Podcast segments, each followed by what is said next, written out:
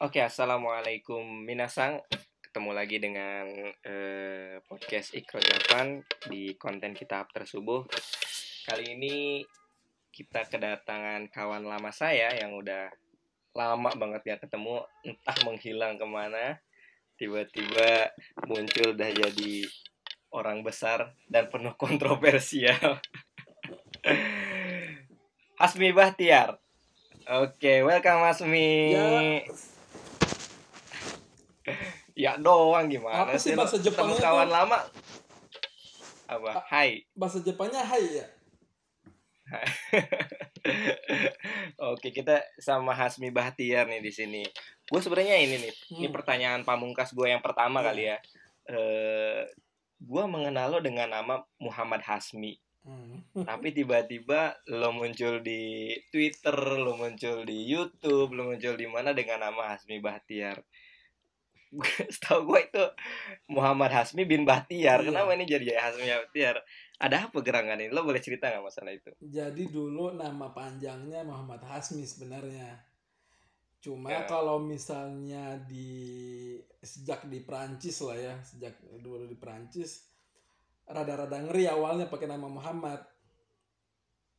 Oh, Jadi gitu ya. itu awalnya. Jadi kalau misalnya di Prancis misalnya kita pakai nama Muhammad sebenarnya nggak ada apa-apa dalam artian kalau secara hukum nggak ada masalah.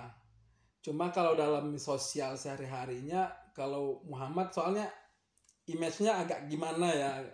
Apalagi di sini kan banyak orang-orang yang orang-orang Arab yang datang dari utara Afrika itu mereka pakai nama Muhammad tapi image-nya agak jelek. Jadi waktu itu eh, mau dipakai nama Hasmi aja kan orang sini harus ada dua dua nama, eh, dua apa nama dua suku nama. Jadi di, dipakailah namanya Hasmi Bakhtiar, pakai nama orang tua, pakai nama bapak. Oh, dalam Gitu. juga berarti ya ininya. Ya gua kira keren-kerenan lo aja Enggak. itu pengen gini. Sebenarnya Ternyata kalau ada ada ada ada reasonnya. kalau ya. lebih keren ya kerenan Muhammad ke mana-mana. Kalau Hmm. Itu kan itu nama Iran kan sebenarnya. Itu marga di Iran. Oh, gitu. Kalau Muhammad kan Hmm. ada jelas nama nabi jadi kalau misalnya keren se kalau gue lebih seneng Muhammad cuma kalau misalnya di Prancis gue pakai nama Bakhtiar aja deh gitu. Oh gitu. Jadi semenjak itu eh karena mungkin apa ya? Gua dengar-dengar di Eropa itu eh, Islamofobianya lebih ini ya daripada di mungkin daerah-daerah Asia kayak model Jepang, Korea tadi lo sebutin juga gitu kan. Jadi mungkin lo memilih nama itu juga salah satu faktor alasannya mungkin ke sana kali ya. iya soalnya kalau misal kita berurusan kan ada nama Muhammadnya depan. Kadang-kadang orang udah malas duluan gitu. Aduh ini padahal kita mukanya Asia banget. Nggak ada muka-muka Arabnya. iya, gitu. Tapi orang kan ngelihat memang- data kita ada Muhammad waduh ini jangan-jangan datang dari Aljazair atau Maroko nih gitu. Kan gitu jadi pakai Itu emang kenapa Mi? Berarti stigmanya stigmanya tentang orang-orang Arab atau misalnya dari daerah Arab itu kurang baik gitu ya di Prancis. Ya itu kan masalah Islamofobia tadi. Jadi orang sini menyangkanya yang namanya Afrika Utara itu kan dulu kan bekas jajahan Prancis rata-rata kan. Kalau kita sebut Gitu. misalnya Maroko misalnya atau Aljazair atau Tunis itu yang negara-negara Afrika Utara itu mereka dulu jajahan Prancis. Nah setelah mereka dikasih eh, kemerdekaan Prancis balik ke sini Perancisnya balik, tapi efeknya masih tinggal di sono. Mereka miskin, mereka nggak punya uang, mereka nggak punya apa-apa. Soalnya emas mereka dibawa ke sini, kekayaan mereka dibawa ke sini. Ya otomatis mereka ke sini nyari nyari harta mereka yang dirampas. Mereka datang ke sini. Nah, mereka yang nggak sekolah di sana, orang kampung di sana datang ke Perancis. Jadi datang ke sini udah kayak apa? Udah kayak warga negara kelas 2 jadinya. Di sini mereka misalnya nggak punya pekerjaan tetap ya mereka minta-minta mereka maling mereka apa. Nah Oh gitu. itu jadi nah image-nya orang dari eh, utara Afrika itu di sini kurang bagus. Cuma nggak seba nggak semuanya sebagian aja. Ada juga yang ke sininya tuh mereka insinyur atau mereka eh, pelajar banyak. Tapi banyaknya ya tadi kelas tadi banyaknya di sini jadi second class Oh gitu. iya itu I see, awalnya I see. Menarik nih. Gua kan eh, belum pernah nih, belum pernah ke Eropa, belum juga dapat invite juga nih dari Hasmi Bahtiar buat datang ke ke Perancis gitu. Lo bisa nggak cerita sedikit nih, misalnya si tempat lo sekarang nih Lille ya kalau nggak salah ya. Lo, Lille tuh kalau lo ibaratin Indonesia, misal kayak apa kayak Bandungnya atau kayak Kuningannya atau kayak Cibugurnya lah gitu kira-kira lo, lo lo bisa gambarin nggak ke gue misalnya Lille, Lille, Lille nih tempat macam apa gitu kalau buat Hasmi sendiri Jadi dulu awalnya, gua kan dulu sebelum ke sini flashback dikit ya. Gua sebelum ke Lille Hmm. itu dulu di Mesir. Di Hmm. Mesir tujuh eh, enam tahun lah, enam tahun di Mesir. itu ngapain di Mesir 6 tahun Eh, itu empat tahun eh, S1 kalau orang Indo bilangnya LC lah ya. Abis itu mau nyoba LC. buat S2 tapi waktu itu nggak selesai. lazi lazi lah ya lazi apa lazy itu Nah, ter- Terus, terus? terus kemudian ke Indo udah kan habis itu eh, udah selesai S1 di sana habis itu revolusi Arab Spring kan meletus di negara-negara Arab nggak memungkinkan lah gitu. Tadinya mau masuk S2 di Cairo University kan. Jadi ke waktu itu ke mana nih? Negara Arab udah udah kacau gitu. Waktu itu kebetulan atas pendidikan di atas pendidikan di Kairo beliau dosen di Jogja di UGM nah waktu itu beliau nawar nawarin ayolah S2 di pasca sarjana UGM jurusan eh, waktu itu nama jurusannya kalau nggak salah intinya dunia Timur Tengah atau apa gitu nama ininya. Nah waktu itu gua eh bentar bentar gua potong. Lu di Mesir sendiri ngambil apa itu? Ngambil syariah Islamiyah. S1-nya? syariah Islam syariah Islamia sebenarnya syariah Islamiyah tapi ada hukum Arabnya juga. Berarti ketika S2 nya itu bisa ngambil apa aja gitu kalau yang anak berhubungan syariah biasanya larinya ke sosial. Hmm, Ah. gitu ya. Heeh, heeh. Nah berarti nyambung lah ya sama yang Nyambung. ditawarin lah. dosen lo itu. Mm-mm. nyambung. Abis itu ke Jogja eh ternyata di Jogja eh, sebelum gua balik ke Indo itu ngobrol dulu kan sama dosen di Kairo. Kata beliau nggak usah lah nggak usah balik ke Indo. Kalau mau nerusin ke Perancis aja kata dia. Kebetulan beliau juga lulusan Perancis. Dia doktornya dari Perancis dari Sorbonne. Hmm. Nah ke Jogja, di Jogja ngelihat eh, UGM yang ditawarin sama Pak Atase tadi eh, kurang tertarik sih sebenarnya, tapi ya udahlah udah di Jogja kan. Tapi sambil Hmm. les bahasa Perancis. Nah, Oh, di Jogja itu. les bahasa Perancis.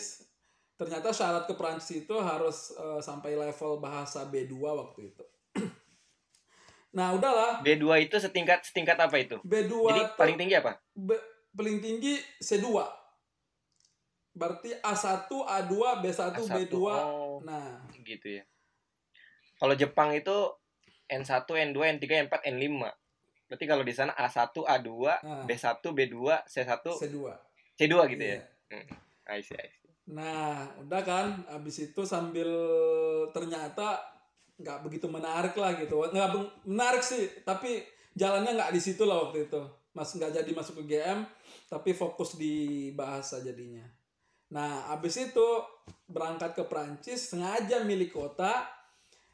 Sebenarnya waktu itu udah sayang sih sama Jogja, udah enak lah, udah nyaman gitu. Nah, abis itu ngomong lo udah kumpul sama anak-anak iya, ini ya udah kumpul sama teman-teman lama, udah pokoknya Jogja itu udah ah udahlah udah surga dunia lah ya nggak bakal mau pindah lagi lah dari sini. Cuma Eh, ada masih ada cita-cita yang belum kesampaian kan waktu itu.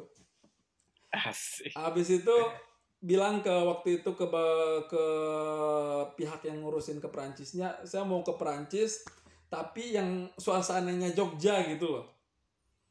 Nah, dilempar lah gua ke Hmm. Lille. Ini ada nih di Lille gitu. Namanya nama Eh, namanya Lille tempatnya kayak Jogja lah kampung apa namanya bisa disebut kota mahasiswa gitu budaya budaya oh, juga Lille itu kan ibu kota budaya Uni Eropa oh gitu? Ya jadi ibu kota budaya mantep dong. Iya.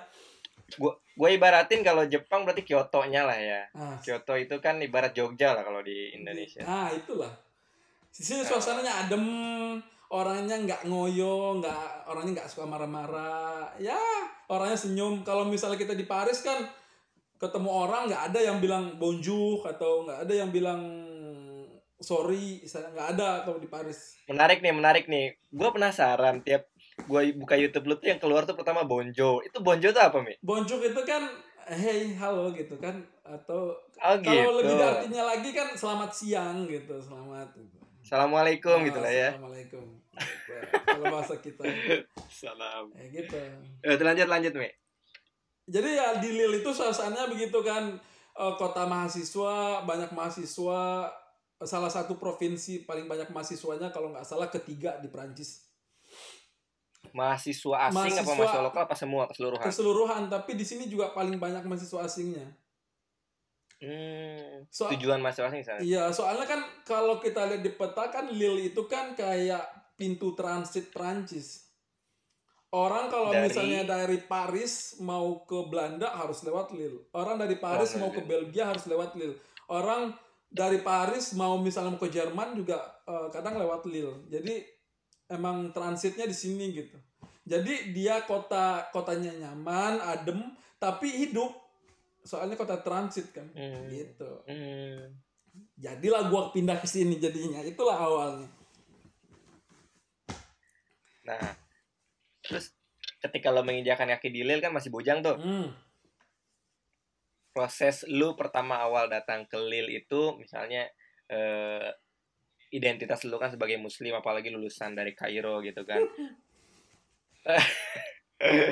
lu ngerasa ada eh apa ya sulit adaptasi yang sulit nggak misalnya pertama datang ke Lille dengan budaya yang misalnya berubah banget kan Hmm. ketika di Kairo misalnya lo apa-apa mau makan udah aman lah gitu giliran di Lille istilahnya tehnya aja lo pakai wine atau pakai apa gitu misalnya iya sih nah kira-kira hmm. Kira-kira lo, lo, lo tuh kayak gimana gitu waktu pas datang ke Lille gitu? Ada nggak misalnya istilahnya culture shock atau apa gitu pas pertama awal itu? Waktu gue berangkat dari Jogja kepikiran itu. Kalau di sebelum ke Lille kan gue belum pernah ke Eropa juga kan? Jadi itu Hmm. awal sendiri. Dan waktu itu gue oh, Manis Kidul Kairo doang gitu iya ya? kita taunya Meniskidul sama Kairo. Paling jauh paling jauh kuningan kota kan waktu itu. Jadi pas gue ke Lille itu itu kan waktu itu kan orang tua kan di orang tua kan di Riau kan. Waktu itu Heeh. oh waktu itu oh no enggak. Waktu itu eh bapak gue baru meninggal waktu itu di 2000 2014 oh iya lewat Hmm. kalau ibu kan udah meninggal mak gue udah meninggal dari zaman gue di Mesir tahun kedua tahun pertama. Nah habis itu jadi ngurus ke Mesir eh ke Lille itu benar-benar sendiri waktu itu dibantu sama ini dibantu sama temen waktu itu. Jadi ngurus ke Lille waktu itu info juga terbatas. Oh minim banget lah infonya pokoknya. Nggak tahu pokoknya Lille itu disebut sama orang di Institut Prancis yang di Jogja itu Lille itu enak udah gitu berangkat. Nggak tahu gitu loh asli Lille banget iya ya. nggak tahu. Dan kita bahasa juga masih belepotan taunya taunya bonjour dong bonjour merci bonjour merci. Udah intinya itu lah Eh, nah datang ke Prancis dengan eh, identitas kita muslim dengan ya kalau dibilang ribet ya memang muslim memang jadi muslim ya harus begitu kan. Makan hmm. nggak bisa sembarangan apa nggak bisa sembarangan gitu. Datang ke Prancis waktu itu bukan cuma masalah identitas muslim aja sih gua ribetnya.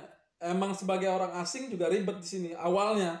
Soalnya kita nggak punya kon- nggak punya kenalan apa-apa bahkan gua awal ke, ke Lille aja tuh nggak punya tempat tinggal. Nggak tahu mau tinggal di mana ntar malam nih gitu loh. Tapi asli banget. tapi visa udah keluar Bismillah aja. Waktu itu kan. Kalau berarti pisahnya bisa pelajar ya waktu bisa itu? ya? pelajar bisa pelajar. visa kan udah keluar duluan kan di kedutaan di Jakarta. Itu berarti kan lo udah ada profesor atau apa yang ngejamin lo nggak kan ada. bisa waktu keluar itu kan? nggak ada. Loh, kok bisa? Gua yang jaminan kampus aja. Gua udah diterima di kampus dikasih visa. Oh. Nggak ada profesor profesoran nah gitu Iya. kalau di sana kalau di sini berarti begitu. mirip-mirip di Australia ya mirip di Aussie juga Ah, gitu kan terima di mirip. kampus Ke- soalnya kalau di Jepang setahu gua harus ada ini dulu mi harus ada profesor yang menjamin gitu kan dia dapat ngeluarin LGBT baru da- bisa dapat visa oh enggak di sini berarti enggak. lebih strike di sini ya Mm-mm. Hmm. di sini soalnya waktu itu kan eh dikasih jadi di kalau di Peran- kalau ke Perancis itu ada namanya IFI kan Institut In- Institut France Indonesia itu dia dibawa Kementerian Pendidikan Perancis. Hmm. Jadi mereka yang mau ke Perancis sama mereka diseleksi siapa yang eh, layak. Nah, jadi yang udah layak dari mereka baru dikirim ke sini. Itu aja sih sebenarnya nggak nggak nggak susah. Oh. Nah sampai sini waktu itu nggak tahu mau tinggal di mana. Datang dia datang aja dulu lah bawa koper gitu loh. Yang penting berangkat aja dulu ke Hmm. Perancis. Iya. Nah sampai di Paris kan waktu itu sampai di Paris eh nanya kita kan nggak bisa bahasa Perancis waktu itu taunya bonjour aja pakai bahasa Inggris orangnya orang orangnya jawab pakai bahasa Perancis waduh kata dia kalau pakai bahasa Inggris nggak usah ke sini ke London aja sana ke London gitu Oh, digituin Iya. sama orang Prancis. ya? Waduh. Habis itu pokoknya pokoknya pokoknya cari-cari cara akhirnya dapat eh, kereta itu kan dapat kereta akhirnya ke Lille. Dari Paris kalau naik TGV itu yang kereta cepat. Kalau di Jepang apa namanya kereta cepat itu? Shinkansen. ah semodel itulah. Kalau dari Paris cuma ke sini cuma nggak nyampe lah sejam. Heeh. udah sampai di Lille akhirnya eh, waktu itu nginep di hotel nyari hotel. Itu juga nyari hotel juga susah banget. Orang orang di sini di Lille tuh hampir orang malas pakai bahasa bahasa Inggris soalnya kan memang kalau orang Perancis kan mereka ngerasa budaya mereka di atas budaya Inggris apalagi mereka punya Inggris. Hmm. apalagi mereka punya sejarah perangnya perang dulunya gitu Iya, iya. iya. sama kayak orang Jepang kayaknya juga sama ya Jepang juga Enggak, enggak, enggak, enggak bisa bahasa Inggris. Bukan mereka ngerasa mereka tuh lebih high dari yang lain gitu loh. Bukan enggak sih? Kalau soal itu gue rasa enggak sih, cuman karena memang apa ya aksen mereka tuh susah kan kalau mau bi- bilang bahasa Inggris tuh susah banget orang Jepang tuh lidahnya tuh Hmm. udah wah udah pokoknya Susah hancur gitu banget ya. lah kalau bahasa Inggris tuh. Heeh. Ya itu jadi waktu itu alhamdulillah dapat hotel sebelum sebelum malam dapat hotel. Heeh. Besoknya ke kampus registrasi segala macam kan. Bawa koper itu. Bawa koper itu nyeret-nyeret koper gitu. udah gitu kopernya masih bekas koper dari Kairo kalau nggak salah. Udah gitu. Sarapan juga nggak sarapan kan orang sini. Ngasih sarapannya roti baget yang panjang-panjang itu kan. Udah gitu Eh, ada daging kayak nggak tahu itu daging halal apa enggak gitu. Jadi nggak pakai sarapan. Daging babi. bisa jadi daging babi. Minum susu aja minum susu di hotel habis itu langsung berangkat. Nah Oh. udah hotel harus check out kan. Soalnya nyewa hotel cuma sehari. Udah gitu. Emang budgetnya segitu nggak ada lagi. Eh, jadi udah sekalian bawa koper sekalian check out langsung ke kampus waktu itu di kampus registrasi bayar. Udah gitu alhamdulillahnya kampus ngasih kayak eh, itu kayak asrama gitu. Kalau di sini disebutnya residong gitu kan residong etudium gitu buat pelajar. Hmm. nah sama kampus dikirim ke residong tadi masuk bawa koper. Aduh orang residongnya nggak bisa juga pakai bahasa Inggris. Nah. Tapi orang kampus orang kampus saat itu bisa pakai oh, bahasa orang kampus Inggris. bisa. Orang kampus mah Eh. bisa. Habis itu dikirim ke residong nggak bisa bahasa Inggris juga orang kampusnya. Bahkan waktu itu kan dari kampus ke residong itu kan naik kereta juga, habis itu naik bus lagi. Eh. Nah, udah gitu kan biasalah nama juga di Kairo kalau mau turun gedor-gedor aja kan busnya kalau di sini kan orang pencet bel gitu loh. Pencet. itu itu apa ya gitu kan cara beli tiketnya juga nggak tahu kan jadi akhirnya waktu itu nggak beli tiket Eh. masuk aja soalnya nggak tahu beli tiketnya gimana Bentar-bentar Mi, gua gua harus harus ngomong ini Mi. Lu inget nggak waktu pas gua lu bodat kita ke ini ke Jogja. nah Waktu itu naik dari Lempuyangan. kita beli tiket ekonomi terus naik kereta bisnis lo tahu nggak? nggak tahu gue itu Lo masih inget gak? Mah, masih gue Kita kita kita duduk di dekat apa namanya? Dekat pintu. Lalu bilang waktu itu tuh, "Ini perasaan ekonomi kok sepi banget keretanya katanya. Tahu-tahu di tengah jalan di, di, di ini sama Mas ini eh bukan Mas ini siapa yang ngolek-ngolek tiket kan ini bukan ekonomi katanya ini bisnis terus dipintain duit inget gitu gue ngebayang kayaknya sama kayak itu deh posisinya tapi kan waktu itu kan kita bertiga nih gue sendiri nih nggak ada teman curhat Iya. sama sekali gitu loh ya lanjut lanjut Nah terus kan akhirnya pokoknya nanya lah pakai bahasa Inggris cukupnya. Ini gua mau turun tur- turun di Residong sini nama nama Residongnya waktu itu Residong Robespierre. Saya mau turun di residong Robespierre. Udah gitu ngucapin Robespierre-nya dulu tuh susah banget lagi. Dia nggak ngerti juga itu residong apa. Halo, halo belum belum ini Iya. belum se ini sekarang Iya, aksennya kita lah ya. nggak tahu huruf hurufnya gimana kan. Intinya residong gitu. Akhirnya mas sopir turunin di residong itu. Udah kan masuk, orangnya nggak bisa bahasa Inggris. Yang penting udah pakai bahasa isyarat aja lah. Pokoknya gue mau nginep malam ini, gue nggak ada tempat tinggal lagi nih. Gue mau nginep di sini. Eh. Koper gue ada di sini. Tolong kasih gue kuncinya. Administrasinya kalau nggak bisa sekarang besok juga nggak apa-apa. Tapi kasih dulu gue kuncinya. Nah kebetulan ibunya mau kan, madamnya mau. Oh yaudah, ini kuncinya orang susah nih kayaknya mah ya, kata dia. kelihatan dari tampangnya. Dari tampangnya muka mukanya binyakan, terus rambutnya begini, ah, ini pasti or- Acak-acak. orang susah nih. Udah, kasih aja lah gitu. Akhirnya gue dikasih waktu itu masuk residong, kasih kartu buat masuk, udah kan. Nah, di situ gue udah mulai lapar lah, nama juga udah udah mulai lapar, udah gitu. Kebetulan alhamdulillahnya ini mungkin cara Allah ya. Jadi ke mana kita kalau yakin, insya Allah ada aja jalannya. Iya. Kebetulan depan residong gue itu ada masjid. Itu satu-satunya masjid di eh, kalau kita Dilil. bukan di Lil. Kalau itu kan eh, apa ya? Kalau kita kan Lil itu kan ibaratnya satu provinsi ya. Olil itu provinsi Lil berarti itu bukan region. kota. bukan. Ya kota, tapi ibu kotanya Lil. Orang bilang Lil berarti itu waktu itu eh, ibu kota provinsinya lah gitu. Kalau kita hitung Oh kayak Bandungnya lah Bandungnya ya. Jawa Barat gitu. Ah. Nah, tapi itu kak tingkat kabupatennya lah waktu itu residong di kabupaten itu. Berarti di satu provinsi itu ada masjidnya itu di tempat deket lo gitu ya. Iya, sa- sa- gitu? bukan itu kan gua tempat gua itu namanya Mongsong Barol itu tuh kabupatennya lah itu kan. Hmm. Nah, itu masjidnya pas banget di depan residong gua itu. Akhirnya gua ke Berarti hmm. tempat-tempat residong lu tuh bukan di Lil dong berarti. Kalau orang sini nyebutnya lu tinggal di mana gitu.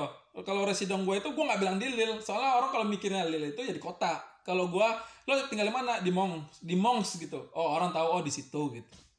Hmm. Nah, Cigugur lah ya berarti. Nah, Cigugur lah. Udah gitu kan, udah waktu asar waktu itu. Waktu itu kan September. Eh, benar September. Hari ini udah September ya? Nah, kita mengenang masa lalu lo jadi ini. Astagfirullahaladzim. Ini tanggal 9 loh. Ini hari ini loh. Oh iya. Iya. Astaga, udah nggak kerasa. Ya 6 salam. tahun ternyata di sini. Masih hidup ya. Masih hidup. Nah, akhirnya kan udahlah sholat dulu. Lapar sih, tapi sholat dulu lah. Sholat waktu itu sholat asar kan. Sholat asar masuk masjid, kok masjidnya aneh ya? Mungkin di Jepang juga gitu ya. Kalau di kita kan masjid ada ada bangunan masjidnya Iya. gitu loh. Di sini kok masjidnya kotak-kotak begini. Tapi waktu itu masuk di pintu masjidnya kebetulan tuh lagi lapar banget. Ada orang lagi makan. Di pintu masjidnya ada ada meja terus di situ ada daging, ada roti, ada kuskus yang makanan khas eh, Arab itu. Arab. Udah gitu, oh enak juga kayak itu makan. Tapi orang itu ngomong orangnya ngomong pakai bahasa Perancis. Hmm. Nah, kebetulan itu orang Arab, gua anak Mesir, kebetulan bisa bahasa Arab juga. Nah, itulah awalnya ngobrol pakai bahasa Arab. Nah, jadi kan udah mulai uh, ketemu masjid, habis itu masuk ke dalamnya ada orang lagi makan. Makan, habis itu dia nawarin pakai bahasa bahasa Arab. Eh, awalnya pakai bahasa Perancis, habis itu saya nggak bisa bahasa Perancis. Habis itu dia nawarin pakai bahasa Arab. Alhamdulillah kan, dulu pernah belajar bahasa Arab, ngobrol jadi akrab lah di situ, makan. Alhamdulillah kenyang lah waktu itu, udah makan tiga potong daging Arab itu yang gede-gede itu. Nah. Gratis ya. Gratis. Itu ternyata masjid yang punya kan. Sejak itu gue jadi akrab sama mereka. Ternyata namanya bapak Mustafa Ali siapa lagi satu gitu. Hasan. Hmm. nah sholat kan sholat di situ. Nah itulah awalnya sejak itulah baru eh, tahu gitu. Oh Lil tuh ternyata begini. Dari mereka bertiga jadi kenal. Oh tempat belanja di sini. Abis itu tempat ini di sini yang halal di sini yang nggak halal begini. Ya itulah awalnya di situ udah sejak itu udah jadi eh lima waktu ke masjid di situ ya itulah ngebangun eh, relasi baru di situ mulai dari kayak eh, belajar eh, tentang Perancis habis itu belajar dunia dunia Perancis di situ dari orang masjid itu Nah kebetulan imamnya, imamnya anak Al Azhar Kairo juga. Imam masjid di situ. Satu alma mater ya. Nah satu alma mater ternyata. Udahlah sejak itu sampai hari ini. Walaupun gue udah pindah nggak di situ lagi, tapi beberapa waktu gue tetap ke sana eh, nanya kabar gitu. Ini. Masjid itu. Itu masjid itu tuh tempat gua nangis. Tempat ah pokoknya semuanya lah di situ ditumpahinnya. Awal-awalnya. Masya Allah. Sampai sekarang. Mantep. Jadi berarti ketika misalnya lo datang ke Lil itu yang lo temuin bukan orang Indonesia ya jadi justru orang dari Arab itu lo nggak kontak PPI atau misalnya ini di sana sebelumnya Gua dulu ada se- pikiran pas masih di Jogja gua dulu udah kontak PPI sini. Gua bilang eh tolong dong kata gua kan gua mahasiswa Indo mau ke sana tolong eh, kalau bisa nyari eh, mau apa mau to- minta tolong cariin apartemen gitu kan buat disewa. Tapi waktu itu nggak dibalas. Nggak dibalas waktu itu oh, udah gue bismillah aja waktu itu. Gue waktu itu ingat lah pesan bapak gue dulu kan. Pokoknya lo cowok ngerantau sana, nggak usah di kampung. Itu kan biasalah khas-khas orang Riau gitu kan orang Sumatera. Mm-mm. Kalau lo merantau pokoknya cari pertama masjid atau enggak warung kopi. Pokoknya dua ini harus lo cari. Masjid sama warung kopi. Mas, Kalau lo udah ketemu masjid, lo cari warung kopi. Jangan di masjid aja gitu loh, ke warung kopi juga. Atau jangan di warung kopi aja ke masjid juga. Nah udah, itu makanya waktu pertama gue ke Lil itu, gue tanya ke orang residong itu, eh mana sih masjid di sini? Kebetulan, alhamdulillah depan banget kan. Nah itulah awal-awalnya. Tapi gue eh, tetap komunikasi sama orang Indo, tapi nggak begitu intens sih gue jujur aja jarang eh, agak jarang waktu itu mungkin beberapa bulan setelahnya gue baru mulai kayak kumpul-kumpul sama orang Indo tapi buat awal perjuangan gue tuh emang gue sengaja sendiri istilahnya eh, ya kita lihat lah gitu loh inilah eh, apa namanya yang harus lo lakuin sebagai orang asing perjuangan lo eh, murni segini. Soalnya bukan apa-apa di sini kalau kita minta tolong ke orang Indo misalnya mungkin dia keadaannya nggak lebih baik dari kita. Mungkin kita bisa saling nguatin ya tapi waktu itu eh memang kondisinya juga nggak meyakin nggak nggak memungkinkan waktu itu. Hmm. Emang eh iya sih gua menyadari yang namanya ukhuwah tuh ya. Saat justru gua nggak di Indonesia gitu. Hmm. Bukannya gua di Husnu gitu, Nah. tapi di Jepang ini, Mi. Jadi gua dapet ceramah dari salah satu imam itu kebetulan imam Malaysia di Masjid Tokushima di gua. Hmm. Jadi eh Muslim itu is not abandoned but by blood katanya, tapi Muslim is abandoned by akidah kan. Katanya. Jadi nggak terikat dengan darah, tapi terikat dengan akidah. Makanya kita apalagi orang asing ketemu apa apa yang kalau Muslim itu kan langsung welcome Iya. banget gitu kan. Gua ngerasain itu tuh justru bukan saat gua jadi mayoritas kan waktu di Indo Husnu apa di Indo apa di mana gitu kan tapi justru ketika di Jepang inilah ketika ketemu Muslim tuh kayaknya wah iya kuat banget gitu itunya. Ya, itu mungkin pelajaran yang kita kita dapetin kan dibanding eh, ya mungkin beberapa yang belum merasakan jadi minoritas gitu kan. Tapi gua setuju banget itu waktu pas ya ketika lo cerita itu ya gua ngerasain hal yang sama lah istilahnya di sini. Iya benar. Oke di Lil sendiri nih Mini hmm. eh untuk masalah sosial lah ya. Kayak misalnya bantuan sosial atau apa yang terima kalau gue boleh cerita nih di Jepang misal gue istri gue hamil nih istri gue hamil semenjak hamilnya kan kalau di Jepang dia udah dapat tunjangan misalnya eh, nanti seluruh biaya pemeriksaan anak eh pemeriksaan kehamilan sampai biaya melahirkan itu kan udah dapat cover nih Ah. dari dari pemerintah pemerintah Jepang eh, sampai yang melahirkannya sampai si anak itu lahir Hmm. tiap tiga bulan dia udah dapat uang cash lah istilahnya Hmm. dari pemerintah Jepang. Kalau di Lille sendiri untuk hal-hal sosial kayak gitunya seperti apa tunjangan kayak gitunya?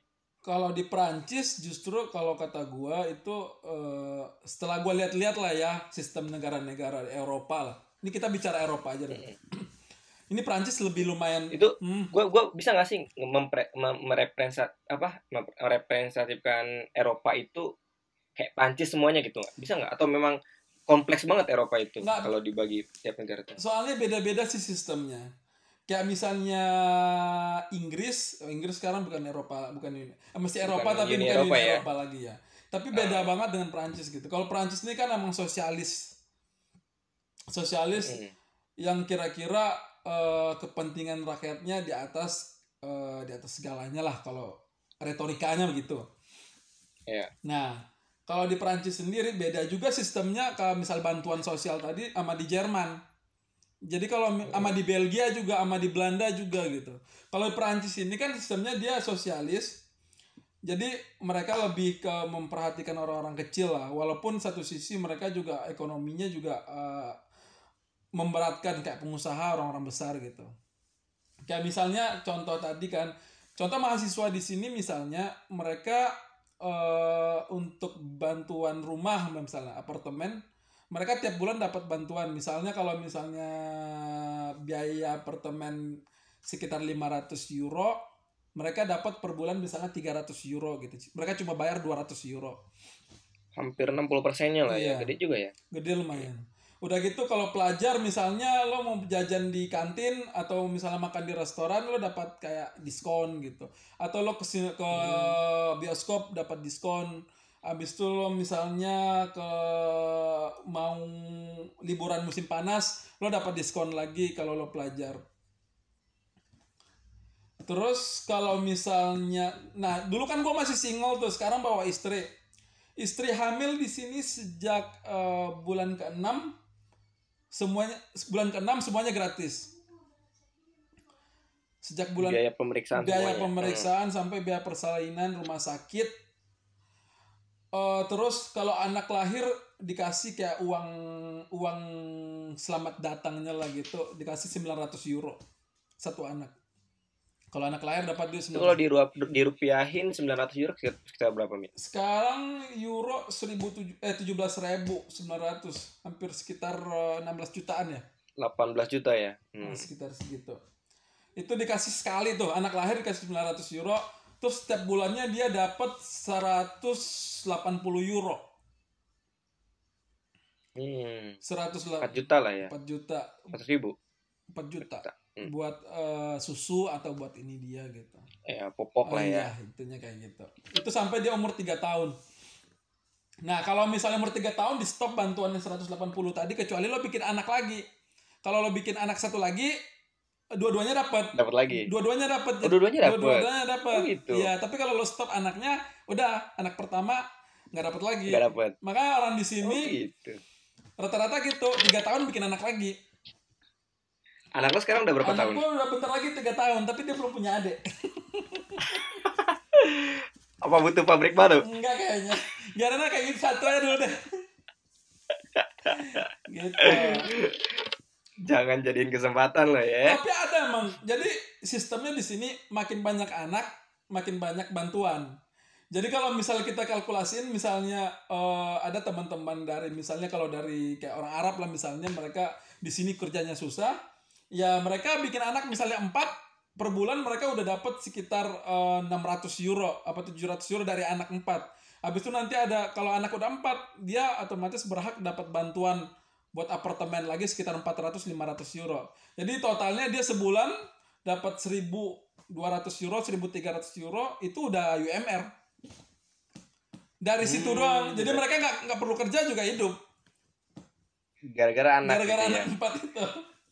Nah ini ini menarik banget ya. Berarti kalau gue lihat eh, mungkin masalahnya sama ya negara-negara maju di mana pun gitu ya kayak Jepang misalnya kan makin maju negara orang makin malas gitu Hmm, kawin makin malas bikin anak gitu. Dan ini tuh jadi kesempatan buat orang-orang Islam masuk hmm. dan justru menikmati gitu kan di sana. Makanya pernah ada yang bilang ya suatu saat kan Islam itu akan jaya justru dengan tanpa pedang tanpa ini karena dengan banyaknya itu gitu kan.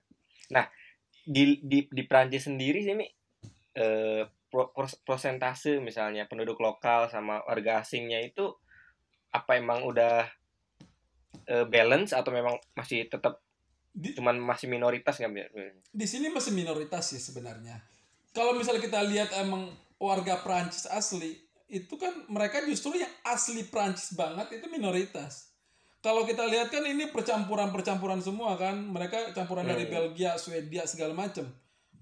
Mm-mm. Emang karena mereka nggak kelihatan mukanya sama-sama bule.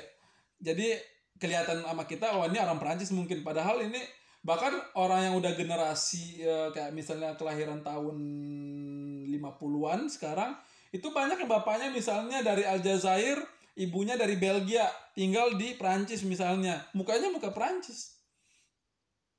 Atau misalnya Iya, ya iya. kayak gitu sampai sekarang masih banyak. Nah, kalau misalnya kan yang yang paling ketara itu kalau misalnya misal suami istri orang asing dua-duanya kayak misalnya gua istri orang Indo, gua orang Indo, anak gua mukanya Indo. Itu Hmm. itu baru kelihatan itu orang asing gitu kalau misalnya orang bilang orang Prancis ngeliat bilangnya ini étranger gitu benar-benar orang asing. Tapi kalau misalnya bapaknya udah orang Prancis, ibunya orang Indo, anaknya bule, orang sini udah nggak bilang orang asing lagi. Oh gitu. Ah, ah, jadi kita kalau misalnya nanya angka susah juga. Even even dia misalnya lahir di Prancis tetap nggak nggak nggak nggak diakui ya kalau misalnya salah satunya bukan orang Prancis gitu ya. Kalau di sini dia di dia punya kewarganegaraan minor, dia dikasih visa 10 tahun, eh 5 tahun. 5 tahun aja. Dia dikasih Jadi kan kalau namanya vi, kalau visa kan ada hak negara buat nggak ngasih gitu. Mm-mm. Kalau gua misalnya pendatang, ya ada hak negara dengan alasan tertentu nggak ngasih gua visa. Tapi kalau anak lahir di sini dari walaupun orang tua dua-duanya asing, negara nggak nggak punya hak buat nggak ngasih dia visa lima tahun itu. Harus ngasih, Harus ngasih, soalnya dia lahir di sini. Hmm. Nah, sampai umur sampai umur 13 ya. Lah, berarti otomatis kalau misalnya anak-anaknya dikasih udah harus ada visa, berarti orang tua tetap harus dikasih visa dong. Enggak, di sini orang tuanya anaknya harus sudah sekolah dulu 2 tahun baru orang tuanya wajib dikasih visa. Oh gitu. Iya. Kalau masih kecil nggak nggak wajib. Nggak ya? wajib. Hmm. Jadi harus sekolah 2 tahun dulu. Kalau TK udah 2 tahun, ibunya baru boleh dikasih visa. Gitu. Status status visa lo sekarang apa? Pelajar. Masih pelajar. Berarti si ini ikut ikut suami. Fajri, Fajri. Fajri ikut suami waktu itu. eh ikut suami. Tapi nama visanya waktu itu visa fami familial ya. Oh, visitor. Sorry. Visitor. Visitor doang. Visitor doang. Waktu itu dikasih se- setahun karena memang eh, suaminya di sini gua waktu itu kan visa gua setahun. Jadi visitor di sini lo dikasih setahun. Jadi be- beda lah with visitor sama turis. Oh beda. Beda. gue kira tuh visitor itu turis. Kalau turis dikasihnya cuma enam bulan. Kalau kalau turis kan dia ke sini mungkin ada yang ngejamin, ada yang invite, misalnya gua nginvite lo, tapi nggak ada hubungan kekeluargaan. Nah, lo dikasih visa turis 6 bulan misalnya. Tapi kalau istri gua ke sini visit, visit gua, visit suami atau visit keluarga dikasih setahun. Gitu. Berarti lebih fleksibel di Prancis ya dalam misalnya ngasih ini ke itu tuh. Kalau di Jepang paling cuma tiga bulan kalau kunjungan keluarga lah Oh, berarti itu gitu. namanya kan. Enggak. Heeh, di sini. Di sini Fajri dapat setahun dan Fajri punya hak yang sama sama hak gua. Misalnya Oh, dalam jangka setahun itu. Iya, misalnya dia dapat bantuan sosial, gua dapat berapa, dia juga dapat segitu. Atau misalnya Hmm. gua kayak misalnya gua sebagai punya visa di sini, gua misalnya bayar bus berapa, dia dapat segitu juga. Semuanya, semuanya dia dapat seperti gua yang dapat. Oh, haknya haknya sama Haknya yang sama. yang lo dapetin. Ih, menarik banget ya ini. Gue baru tahu nih. Eh, cuma dia nggak boleh kerja aja. Iya, iya, iya, iya. Emang rata-rata kayak gitu sama kayak di Jepang juga. Gitu. Eh, tapi lo boleh kerja berarti ya? Kalau gua boleh, soalnya gua pelajar. Jadi ada part part time gitu. Kalau pelajar 60 Se- 60%. seminggu itu berapa? Nah, Berapa? Dari semua setahun Berapa jam? setahun itu 60%. Maksudnya 60%? 60% dari setahun berarti mau setahun berapa ratus hari 60 persennya boleh pakai kerja Oh, banyak juga ya berarti ya. Hmm. Gitu. Lo nyambi jadi apa di sana sekarang? gua banyak lah nyambinya dulu awal ke sini gua dulu eh, karena gua biaya pas-pasan ya Eh, soalnya gua waktu itu punya duit cuma buat dalam waktu tiga bulan pokoknya dalam tiga bulan gua nggak bisa kerja gua harus balik harus harus angkat kaki dari Perancis nggak mungkin hidup pakai apa kan Abis iya jadi gua emang benar-benar eh, istilahnya duit ada di tangan nyemplung lah ya. Iya duit ada di tangan sekian. Eh tapi itu juga duit itu duit dari mana ya dulu? Oh duit jual tanah gue dulu. jual tanah. Warisan. jual, jual tanah warisan bawa duit waktu itu 60 juta lah. 60 juta apa 50 juta.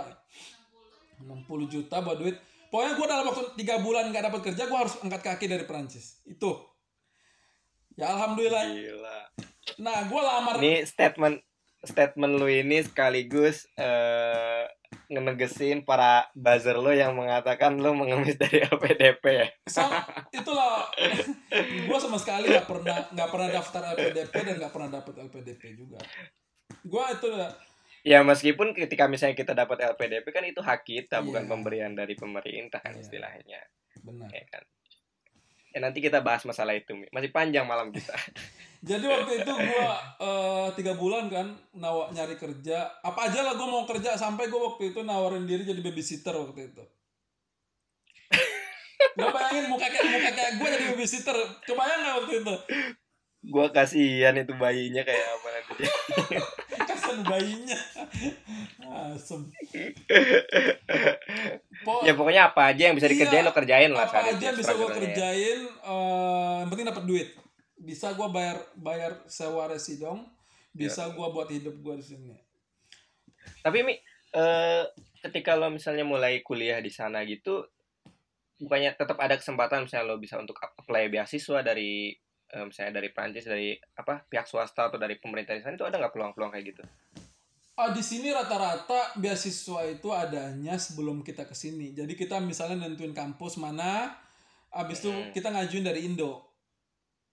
Oh, Kayak misal contoh- nggak bisa saat ketika kita udah jalan ngajuin nggak bisa gitu ya? Mungkin ada beberapa beasiswa tapi eh, rata-rata kayak tadi. Jadi kita ngeplay dari Indo.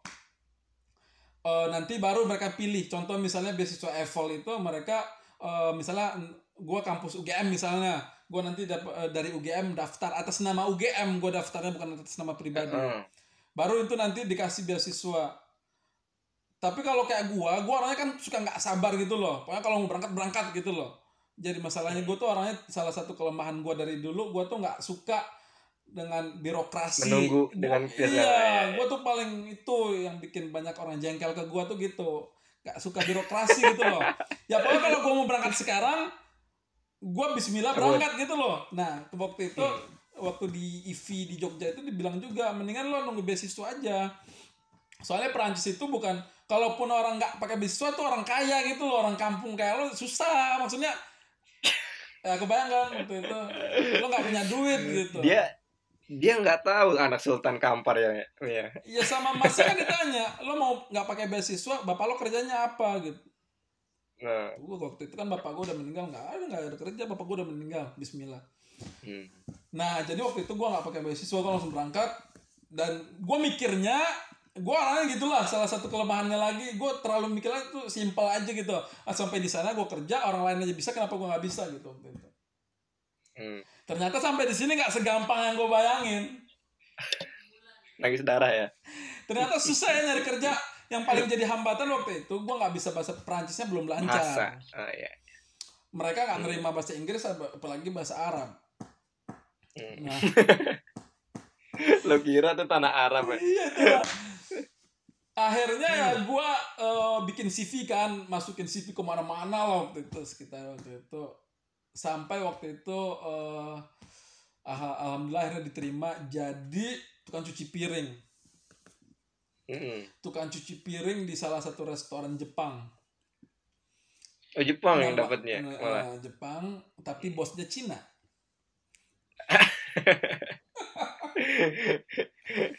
Dia kayaknya balas dendam itu. Dulu Ci- Jepang jajah Cina, sekarang dia mau jajah Jepang dengan Jadi di Lil itu restoran Jepang, apa pun lah restoran Asia lah ya, mau Vietnam, Jepang, Thailand, eh, Jepang khususnya, punya Cina. itu pasti bosnya Cina. Di Lil ya, di Lil ada sekitar 400 restoran Jepang di Lil. Eh, Cuma dua yang bosnya orang Jepang. selebihnya Cina semua. Selebihnya itu orang Cina semua bosnya.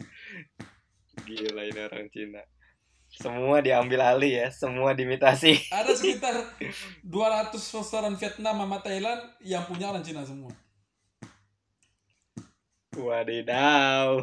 gitu akhirnya gua cuci piring lah di restoran Jepang itu dan Berarti lo lo lo karena memang bosnya orang asing berarti bisa ini lo gitu hire lo ya Oh enggak, Ya, jadi kebetulan waktu itu gue pakai CV ke sana. Eh, Hmm. Pak kata gue istilahnya kan pakai bahasa Perancis seadanya. Mau mau kerja kasih CV. Kata dia bisa bahasa Perancis? Oh bisa. Kata. Bisa bisa. Oh, lu bilang bisa gitu? Gue bilang bisa. Bahasa Perancis bisa bisa. Abis itu dia nanya apa? Nggak tahu gitu. itu namanya nggak bisa kata dia. Abis itu kata dia "Eh, maaf ya kami nggak terima. Ya yang gue tangkap waktu itu maaf ya kami nggak terima orang nggak bisa bahasa Perancis kerja di sini. Eh, Udah waktu itu gue udah udah nggak jadi kerja lah di situ. Di mana mana nggak ada lah yang nerima gue. Gue udah mikir aduh apa balik lagi ke Jogja ya. Udah kepikiran lagi buat balik ke Jogja. Gitu. udah stop ya Udah nggak nggak bisa. Kayaknya tapi gue ingat kan kalau kita doa belum sampai nangis itu berarti kita belum serius. Eh, Jadi kalau kita tahajud belum nangis, minta itu, minta yang Belum kita diijabah pengen, juga ya? Itu belum belum serius artinya. gua dapat itu mi gua potong lagi nih Hmm. gua dapat itu pas di Husnu mi hmm. lo inget nggak waktu pas HP hilang mi Nah, HP-nya sih siapa HP Ado lo. HP ado gua mi itu gua tahajud sambil nangis gila. Wah udah kayak gimana gila. Ketemu mi ya Allah. Itu gua gua baru itu nger- ngerasain itu. Gua tahu ilmu itu tuh dari pas di itu mi. Di Husnu. itu pelajaran hidup gua itu. Lanjut lanjut mi. Gua malah potong Jadi waktu itu kan gue udah gue udah mikir eh, apa nama opsi-opsi. Kalau misalnya nggak juga kayak gue balik. Kebetulan waktu itu kan udah nangis, sudah semuanya lah waktu itu udah nggak ada lagi lah kayaknya eh, orang tua juga nggak ada kan kita mau ngapain di sini gitu orang namanya gue bukannya apa-apa tapi kan kalau misalnya orang Indo ke sini rata-rata ya rata-rata nih mereka Hmm. orang kaya oh iya. Seenggak-enggaknya orang tua mereka punya slip gaji di atas 20-30 juta lah per bulan. Nggak mungkin kan biaya hidup anaknya di sini sekitar 17 juta minimal gitu. Atau enggak kalau nggak orang kaya atau enggak beasiswa, udah itu aja. dua itu ya Heeh, rata-rata begitu. nggak ada yang nekat kayak lo ya Nggak ada. Sampai sekarang gua lihat-lihat anak Indo di sini nggak ada kayaknya yang miskin gua. Belum nemu gitu. rasional anak rasional mi Ya, itulah. Jadi waktu itu gua mau min mau minta tolong ke orang Indo nggak mungkin juga kan. Soalnya Hmm. eh, emang pertama mungkin waktu itu mereka juga sibuk dengan urusan mereka dan ya berapa banyak gitu orang susah kayak gua masa emang gua doang yang susah gitu loh. Jadi waktu itu kalau nggak nggak balik, kalau nggak ada dapat kerja gua balik nih bentar lagi. Eh kebetulan teman gua di kelas punya teman orang Cina. Di kelas bahasa gue punya ke teman namanya orang Cina. Waktu itu kan lagi break kan. Dia gue kalau break waktu itu kan gue nggak ada duit. Jadi orang break gue bengong aja. Kalau nggak paling ya muter-muter aja gitu loh kalau teman-teman gue kan masa break ke, ke kantin bikin ke bikin kopi, kantin. eh, kopi atau apa gitu. Sekali ngopi murah sih namanya juga masih 70 sontim kan. Ya sekitar sepuluh ribu lah. Tapi kan daripada ini mending gue tabung beli beras gitu. Nama kita orang Indo kan harus makan beras. Eh, jadi waktu itu eh gua sama temen gua eh, break. Habis itu gua ngobrol sama temen gua ada orang Korea nah datanglah tuh anak Cina itu satu ke lagi ngobrol sama gua. Eh Mi kata dia eh, eh dia cerita waktu itu gua mau udahan mau resign aja kerja. Oh iya kata gua kenapa? kata dia so gua soalnya ibu gua bikin restoran baru. Dia orang Cina tapi ibunya di sini. Oh gitu. Eh sekarang gue mau nyari teman, mau nyari orang nih mau kerja gitu, nyari orang kerja di tempat gue yang lama, gue kan harus nggak nyari gantinya. Ada yang mau nggak ya kata dia. Oh iya kata gue, gue tertarik tuh kata gue. Nah, abis itu lo mau mi kata dia. Mau kata gue mau banget. Abis itu eh tep, eh, lo punya sim nggak kata dia kan kerjanya delivery, delivery eh, pakai pakai mobil kata dia. makanan Oh ada ada ada sim kata gua sim A Indo, sim mobil Indo. ah serius? itu bisa dipakai nggak Waktu Nggak itu gua nggak tahu ternyata itu beneran bisa dipakai tapi pas dia bilang gua bisa gua ada sim A sim mobil di Indo kalau di Indo kan sim A itu sim mobil kalau di sini sim A itu sim motor jadi kebalik sebenarnya Hmm. Eh, Eh gua bisa kata gua Bismillah gitu Oke kalau gitu eh, nanti sore eh, ikut gua ya ke restorannya. Gua kenalin gua soalnya mau resign. Kalau misal lo malam besok kerja, gua malam ini udah udahan gitu. Udahlah sore gua ketemuan sama dia, diajak. Ternyata restorannya tuh restoran yang kemarin nolak gua. Oh gitu. Kurang ajar kata gua ketemu lagi sama orang ini.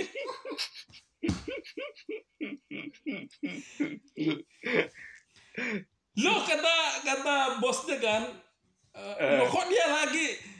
Eh kata gua, gua lo kan kemarin udah ditolak ngapain lagi ke sini kata dia.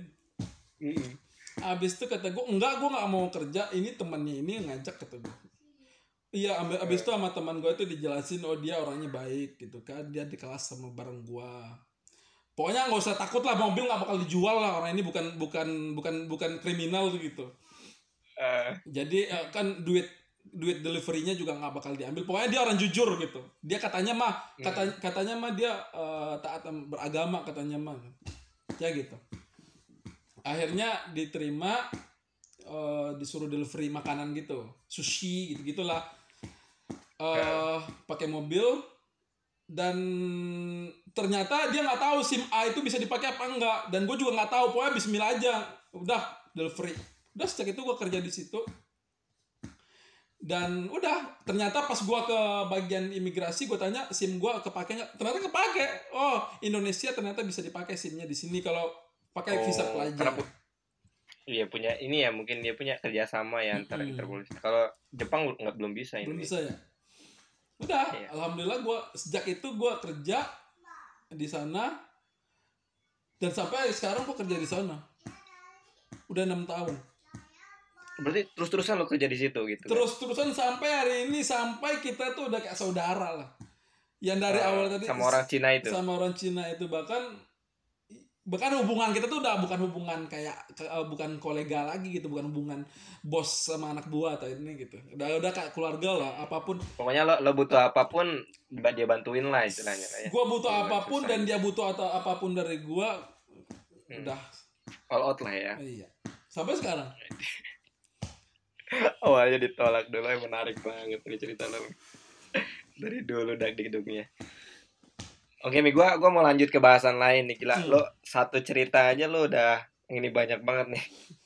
panjangan Kita udah ngomongin tentang background background pendidikan lo kan tadi. Hmm. Gua miss gua nih semenjak eh, lulus dari Husnul lah gua udah gak ketemu sama lo kan sampai sekarang nih baru sempet ngomong panjang lagi tadi lo mulai cerita lo di Mesir sampai perjuangan lo di Lille dan sekarang udah sustain kan udah sustain Insya terus Allah. udah berani ngegoyang ini kan pejabat-pejabat di Indo dulu.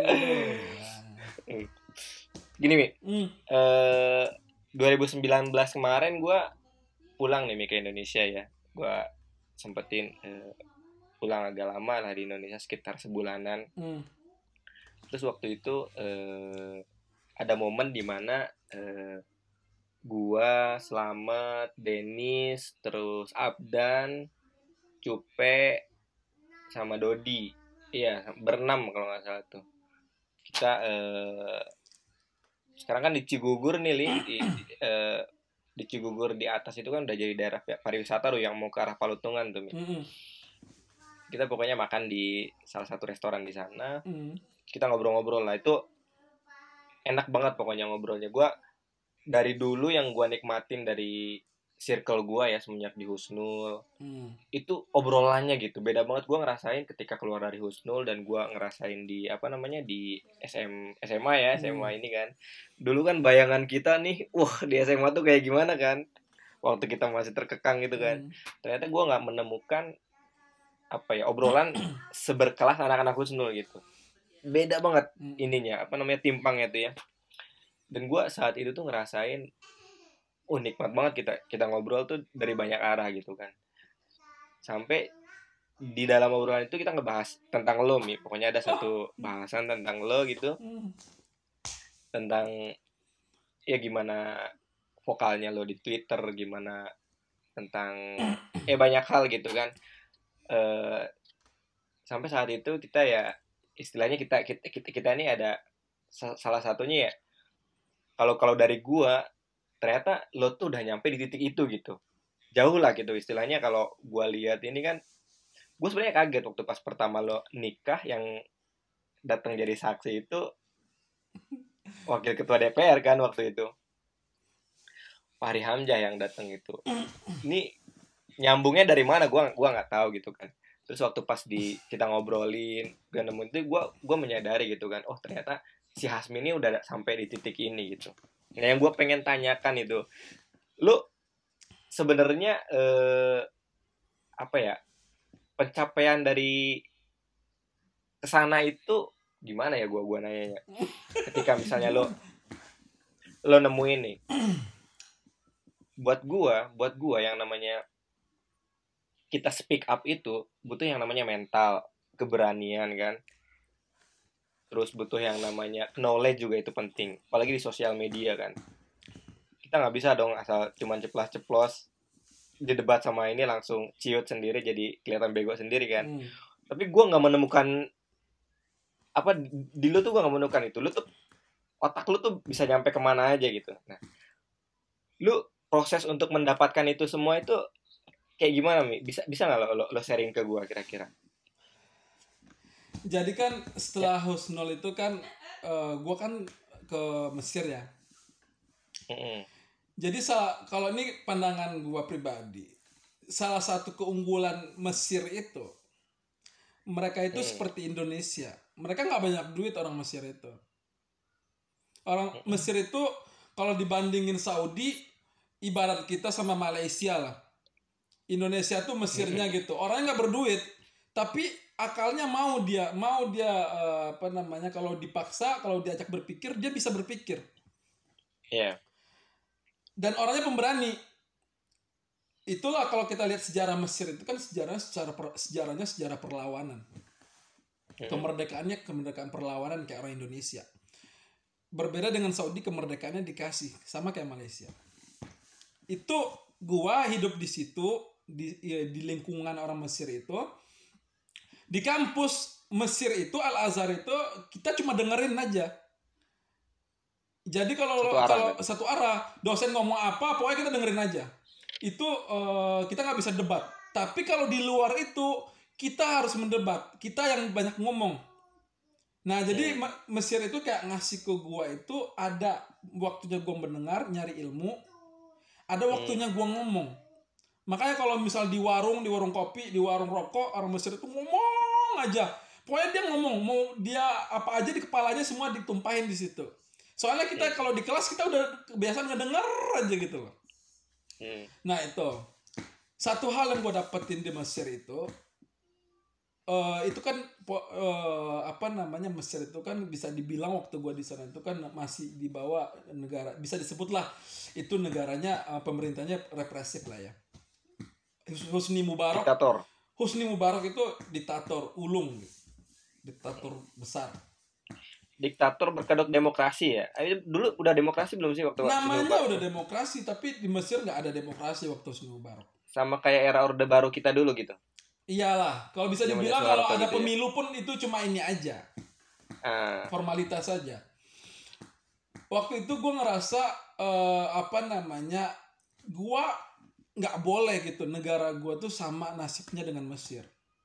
Ini di Mesir itu orang bisa eh, tiap hari ditangkap, orang tiap hari di apa namanya dibunuh. Itu karena apa? Itu karena rakyatnya ngebiarin pemerintahnya kerja sendiri. nggak speak up gitu Mm-mm. Negara itu nggak bakal negara itu nggak bakal terus-terusan nyaman buat nindas rakyatnya kalau rakyatnya cerewet. Itulah demokrasi. Gua gua dapetin itu di situ. Tapi waktu gua lihat Saudi negaranya makmur. Orang butuh duit ada. hmm. Tapi di sisi lain kemerdekaannya dirampas. Iya. Dia dikasih duit tapi kemerdekaan lo gua rampas. Kalau di Mesir lo nggak banyak duit tapi lo bisa ngomong walaupun dia nanti lo gue tangkap gitu loh. Tapi ada peluang buat ngomong. Kalau gua banding bandingin mana yang harus gua eh, tiru gitu. Apa eh, mana yang harus gua contoh nih antara dua eh, dua apa namanya dua kondisi sosial ini. Saudi duit gua banyak tapi kemerdekaan gua dirampas atau gua mencontoh Mesir duit gua nggak ada tapi gua bisa ngomong. Hmm. kalau uh, logisnya gue enaknya sih kayak di Saudi gue nggak butuh kerja capek tapi gue duit gue banyak ngapain mau kayak orang Mesir makan aja susah gitu ya lo makanya yeah. kalau suatu saat lo udah umroh belum belum kalau umroh nanti lo kalau misalnya ke Mesir uh, ke Saudi abis itu jalan ke Mesir lo ngeliat dua negara ini timpang banget. Di Mesir orang makan roti pakai apa pakai kacang yang dibecek-becek itu kalau di di Saudi yeah. orang makan eh, roti pakai pakai ya? pakai daging ayam. Jadi waktu itu gue ngerasa oh gue gue uh, apa namanya gue lebih cocok sama Mesir kayaknya. Nggak apa-apa gue hidup udah biasa hidup susah tapi gue harus gue punya punya ruang buat ngomong. Soalnya bagi gue ya kemerdekaan orang itu apa hak tertinggi orang itu ya hak orang buat berbicara kemerdekaan dia berbicara. Nah pas gue itu tapi gue masih yang namanya juga masih anak LC ya. Kalau Indo di Indo itu LC itu kan disebutnya SAG ya. iya kan? Levelnya SAG gitu loh.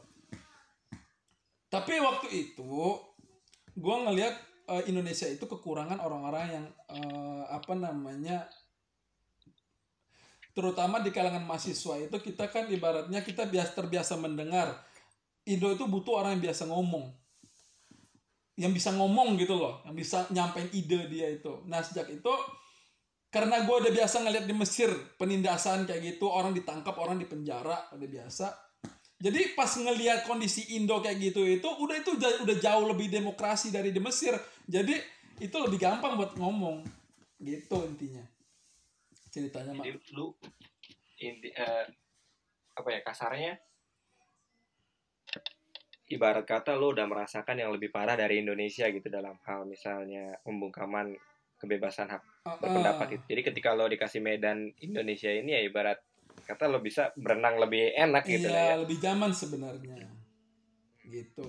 Kayaknya gue sebisa mungkin uh, ngomong lah gitu apa yang gue bisa ngomong. Oke lanjut nih Mi. Uh, tadi kan lo udah cerita background lo kenapa lo berani speak up, berani uh, ya mengutarakan pendapat lo meskipun lo harus uh, kontra lah dengan banyak orang dihujat gitu kan.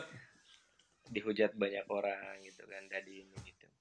Itu menarik banget sih menurut gue karena eh, jujur kalau gue pribadi kadang gue lebih memilih menghindari konflik gitu. Kayak misalnya perdebatan di sosial media itu gue lebih milih untuk menghindari eh, ya pertimbangannya banyak hal gitu kan.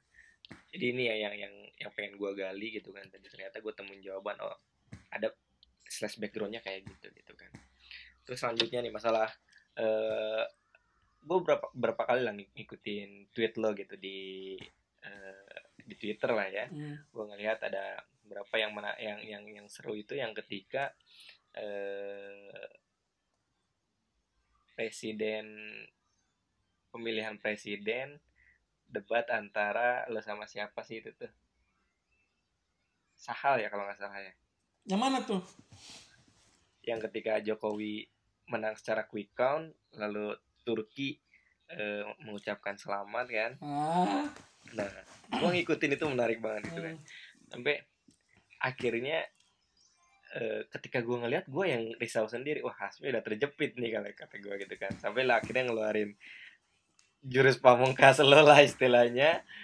Dan akhirnya semua jagat Twitter terdiam lah gitu ternyata tapi yang gua yang gua yang gua yang menarik nih buat gua itu lo tuh udah sampai di posisi di mana eh, lo tuh akan mempunyai jawaban apa pun dari setiap pertanyaan ngerti nggak? Paham paham. Hmm, jadi eh, inilah modal utama yang memang dibutuhkan untuk menjadi politisi kakap kalau menurut gue jadi uh, kalau gue melihat kan ada kalanya politisi itu kan harus mempunyai dua jawaban dari setiap satu masalah kan.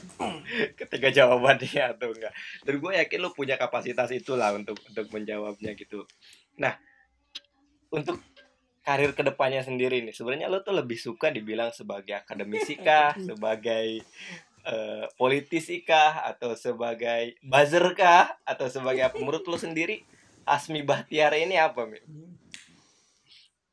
Gua pribadi ya sebenarnya kalau sekarang gua eh, salah satu eh, pengurus partai. Gue jujur.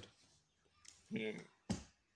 Tapi gua eh, sebagai pengurus partai eh, sat- dan satu sisi buat gua politisi itu nggak cuma bisa ngomong. Gua dulu pas lagi di Paris ada kunjungan eh, salah seorang anggota kita, anggota dewan ke Paris. Dia nasihatin gua satu waktu itu.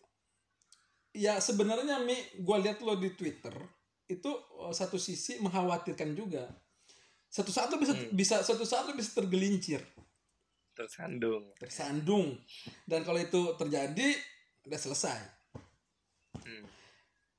jadi gue nasihatin lo satu hal kalau dia salah beliau itu salah satu politisi yang paling gue hormatin lah atau gue kagumi lah di Indo. kata dia pesannya satu aja pesan gue yang pertama dalam bicara mau di, di Twitter mau di mana aja lah kalau bicara lo tahu maksudnya apa ke siapa lo ngomong gitu Hmm. Lo tahu arah omongan lo itu apa? Jadi ketika nanti orang nyerang lo atau orang apa lo ada alasannya. Lo punya pijakannya yang jelas.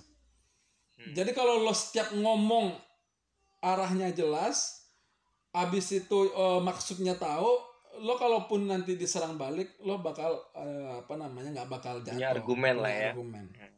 nah itu yang gua pakai terus mau dalam Twitter mau ngomong di mana aja gua ngomong kayak gitu. Gua nggak mau ngomong ke awang-awang misalnya gua ngedumel sendiri tapi nggak tahu apa gitu loh. Gua nggak mau kayak gitu. Soalnya apa kalau misalnya orang itu kan setiap omongan kita di Twitter setiap omongan kita di YouTube itu kan ada pertanggungjawaban. Kalau nggak di dunia ada di akhirat kan kan kayak gitu. Jadi gua Lagi undang-undang ITE udah ini ya Ah, sekarang. undang-undang IT Semua itu undang-undang IT salah satu eh, aib Indonesia. Itu IT itu itu kan bisa menjerat siapa pun. Jadi makanya gue kalau ngomong apa pun termasuk yang tadi lo bilang masalah presiden Turki itu gue harus gue nggak bakal ngomong kalau gue nggak punya landasannya. Gue harus cari ca- ca- cari tahu dulu apa sebenarnya apa ke mana pun lah sumbernya waktu itu. Dan kebetulan waktu itu gue ketemu sumbernya dan gue lang- dapat langsung baru gue berani waktu itu. Ya kalau sekarang ke depannya gue eh, di Lil eh, ngebangun apa ya? Bukan ngebangun karir sih. Yang jelas gue nggak mau terus-terusan di Lil. Kita eh, gue mau eh, balik ke Indonesia mau istilahnya bisa dibilang ya mau ikut lah membangun Indonesia. Tapi sebagai akademisi atau politisi itu buat gue tuh suatu hal yang sama aja nggak ada bedanya. Soalnya apa? Soalnya politisi dia nggak paham ilmunya itu percuma. Ya itulah Indonesia kenapa nggak pernah maju itu sampai sekarang. Soalnya politisinya orang orang menyangka politisi itu ya bisa ngeles aja gitu loh. Itu yang jadi masalah. Politisi itu yang bisa ngeles aja itu kan salah sebenarnya politisi itu dia sekaligus dia harus paham ilmunya. Dia juga akademisi walaupun dia nggak nggak apa namanya nggak tekun di sana nggak fokus di sana tapi dia harus ada ilmunya. Dan akademisi kalau dia nggak paham politik dia bakal jadi hanya bakal jadi apa namanya Iya. senjata senjata orang-orang orang-orang tamak sama ke- sama kekuasaan aja. Iya. Jadi kewajiban makanya gue sekarang gue nyari ilmu di sini gue nggak mau jadi nggak nggak nggak punya target gue jadi politisi atau jadi oh, akademisi nggak. Yang penting gue nyari ilmu di sini tapi emang di satu waktu gue aktif di salah satu salah satu partai. Dan itu bekal gue dan itu kewajiban buat gue jadi politisi atau akademisi itu bukan pilihan buat gue mah itu dua-duanya kewajiban. Mantap sekali jawaban dari Bung Hasmi itulah ini. Salut lah. kira. 10 tahun ke depan pasti gue lihat deh lo di Senayan kayaknya. nih. Enggak. Soalnya satu, Wet. jadi kalau misalnya eh, kita baca eh, bukunya, makanya gue sering tuh kalau di Twitter gue bilang eh, pikiran-pemikiran Malik bin Nabi itu, beliau beliau itu sebenarnya eh, apa namanya pemikir Islam dari Aljazair, tapi dia ngelihat ngelihat apa namanya realitas di Prancis gitu. Jadi pemikiran-pemikiran kayak gua, gua datang dari negara ibaratnya negara kalau dulu kita sebutnya negara berkembang datang ke negara maju gitu. Jadi kadang-kadang kita ngelihat ada yang kurang di negara kita dulu. Nah, Malik bin Nabi tadi dia nemuin kekurangan negaranya itu untuk diperbaiki dia nemuin di Perancis itu. Makanya gua eh, apa suka baca buku beliau. Sebenarnya itulah gua ngelihat Indonesia itu dari atas gitu. Kita bakal tahu permasalahannya di mana. Nah, kata kata Malik bin Nabi itu salah satu sebab kenapa negara lain maju dan negara kita enggak. Soalnya orang berpikir politisi itu tukang kibul-kibul, terus akademisi itu ya tukang baca buku aja di kampus-kampus gitu. Jadi negara Jadi itu memisahkan pernah antara maju. dua itu gitu lah ya. Iya. Hmm. Makanya kalau kita lihat filsafat Ibnu Khaldun itu seorang politisi itu dia sebelumnya ulama. Dia orang dia orang berilmu, baru dia layak jadi politisi. Itu kira-kira. Man- Mantap, mantap. Bung mantap.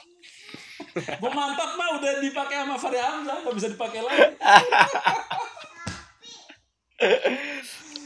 Aduh. Itulah kira-kira. Tapi menarik ya, menarik bener. Gua jujur aja gua gua menarik eh, mengikuti obrolan ini ya, mengikuti eh, kayak masalah ya, masalah kayak gitu. Gua gua senang menjadi pendengar, senang menjadi pengikut gitu kan. Meskipun gua nggak nggak nggak tertarik lah kalau terjun ke sana. Gue yakin satu hal yang gue takutin, gue kayaknya pasti korupsi deh kalau misalnya.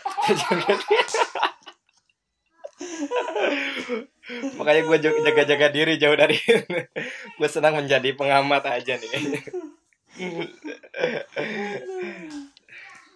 Tapi ya sebenarnya eh, menarik sih jadi politisi ketika misalnya kalau menurut gua ya ketika misalnya lu harus bisa men, men- me- apa namanya memposisikan punya jawaban dari satu masalah dua jawaban dari satu masalah meskipun itu ya atau tidaknya kalau menurut gua itu bukan masalah ngibul dan soal nggak ngibul ya Hmm. tapi ya itulah sen- seninya berpolitik itu yang memang harus di sana ketika hari ini lu oposisi dan besok harus menjadi koalisi gitu kan Ah, pasti ada aja argumen yang akan disampaikan sebagai politisi dan gue yakin lo udah hatam banget dan masalah itu itu, gitu. bisa disampaikan kalau orang nggak berilmu. Eh, iya Itulah. Pasti ya juga dan gue dan gue yakin lo udah hatam lah masalah itu makanya gue gua yakin 5-10 tahun ke depan kayaknya lo bakal melanggang mulus deh di sana Semoga, semoga enggak lah ya. Semoga enggak. Lo takut juga kayak gue sebenarnya gue sebenarnya kurang tertarik jadi kayak gitu kayak gitu. Kayak yang lo bilang di Senayan itu. Cuma ya kita lihatlah nasib ke depan. Ayo, biarkan air membawamu Iya. pulang jauh dari Lil. Oke, Mi, gua eh, masalah perpolitikan Indonesia gua gua simpen dulu deh. Kita Hmm. ngebahas lagi lo kan juga sering ngebahas masalah eh, apa namanya? Ya dunia Islam lah gitu kan. Kemarin gue lihat lo ngomentarin juga masalah bom di Beirut, terus masalah apa eh, pembukaan kembali Hagia Sophia gitu kan. Sampai tweet yang gue lihat terakhir ini ya lo eh, mention lagi Imam Sudes kan masalah tentang ketika Uni Emirat Arab berdamai dengan Israel dan keluar memang eh, di media-media gue lihat kayaknya multi, multi tafsir juga kan yang tentang apa namanya statement yang disampaikan gitu kan Hmm. kalau lo melihat gue eh, mau keluar lah dari dunia Arab gitu yang lo ini kalau lo ngelihat misalnya Islam di kayak Eropa atau misalnya di Asia yang memang notabene-nya bukan dunia Islam gitu bukan misalnya banyaknya orang Muslim. Contoh lah yang real yang gue alamin dan yang lo alamin misalnya di Prancis atau di Jepang gitu. Lo melihat ke depan eh apa ya bakal seperti apa sih gitu dunia Islam di tengah misalnya ketika mereka menjadi minoritas dan berkembang gitu di antara negara-negara yang semacam itu gitu ya minimal yang yang tadi yang gue bilang yang lo sekarang lo tempatin dan yang gue tempatin gitu. Mungkin lo ada pandangan gitu. Bisa nggak lo sampai Ini gue bicara Eropa lah ya. Soalnya gue kalau Jepang kurang begitu tahu juga gimana Islam di sana. Walaupun Iya. eh, ininya mungkin eh, nggak beda jauh tantangannya. Jadi kalau Eropa sama Islam ini kan sebenarnya mereka udah punya sejarah panjang, tapi sayangnya sejarah mereka ini kan sejarah permusuhan. Ap- Kalau kita bicara perang salib misalnya kan itu kan sejarah mereka itu sejarah per- sejarahnya per- sejarah permusuhan. Cuma- banyak sejarah kelamnya lah ya Iya, lebih banyak sejarah kelamnya dibanding sejarah manisnya sebenarnya. Tapi masalahnya kan hari ini kita udah bukan zaman perang salib lagi. Yang pertama, yang kedua misalnya yang Eropa hari ini itu kita nggak bisa bilang lagi ini negeri kafir. Makanya kalau gue pribadi gue udah nggak udah nggak udah nggak tertarik dengan istilah Darul Harb atau Darussalam itu. ini oh ini ya, ini Darul Kufr misalnya kita bilang Prancis atau Eropa itu negeri kafir atau Jepang negeri kafir karena mereka bukan itu udah nggak ada zamannya. Itu adanya waktu zaman perang. Jadi makanya cuma masalahnya ini kan logika ini masih dipakai orang sampai hari ini orang ngelihatnya Jepang itu di sana nggak ada orang kebanyakan mayoritas nggak bertuhan atau misalnya nggak percaya sama Allah mereka negara kafir. Atau di Eropa mereka nggak percaya uh, percaya sama Allah mereka negara kafir. Itu istilah itu udah habis udah selesai. Dan sejarah itu ya kita nggak pernah menyangkal sejarah kelam itu ada ada gitu loh. Kita nggak pernah ini. Tapi yang dibutuhkan sekarang itu gimana generasi baru ini nih baik itu generasi Islam maupun generasi Eropa ini mereka ada komunikasi. Nah yang gue lihat itu permasalahan di Perancis khususnya atau di Eropa itu komunikasi itu yang nggak ada. Atau jarang lah gitu. Komunikasi antara dunia Islam dengan dunia Barat itu yang yang yang susah dibikin yang susah dibangun. Makanya waktu misalnya sekarang ada Islamofobia di Prancis kemarin ada yang bakar Quran di Denmark Swedia. di Swedia Denmark. juga ya memang logika lama itu masih ada di, di pikiran orang Prancis atau di pikiran orang Islam. Sama di keduanya. Ada logika logika lama itu. Itu itu masih ada. Tapi itu udah itu nggak bisa kita salahkan. Memang mereka e, berangkat dari sejarah itu. Mungkin mereka punya alasan juga buat kayak gitu. Entah mereka dulu korbannya atau gimana. Tapi kita yang yang sekarang ini kita harus bangun jembatan itu tuh antara dunia Islam sama dunia dunia Barat itu harus dibangun. Soalnya apa Soalnya kalau misalnya jembatan itu nggak dibangun, apalagi dengan kondisi Eropa sekarang termasuk negara maju, kita baru mau maju.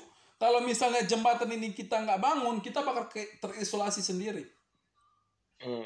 Nah, terus satu sisi kita terisolasi sendiri, tapi satu sisi orang-orang Eropa ini yang salah, yang pikirannya salah tentang Islam ini, mereka bakal terus meyakini itu suatu kebenaran gitu loh orang Islam itu penjahat, mereka bakal tetap yakin. Kenapa? Soalnya kita nggak ada dialog. Nah, itu yang harus gue bangun, yang harus kita bangun sekarang. Makanya kalau di Prancis misalnya dulu ada uh, eh, Dr. Tariq Ramadan, cucunya Hasan Albana. Beliau bagus, beliau bikin konferensi di mana-mana gitu. Begini loh Islam itu begini gitu. Banyak orang yang tertarik. Oh, ternyata kata orang Prancis itu Islam tuh nggak seseram yang gue bayangin.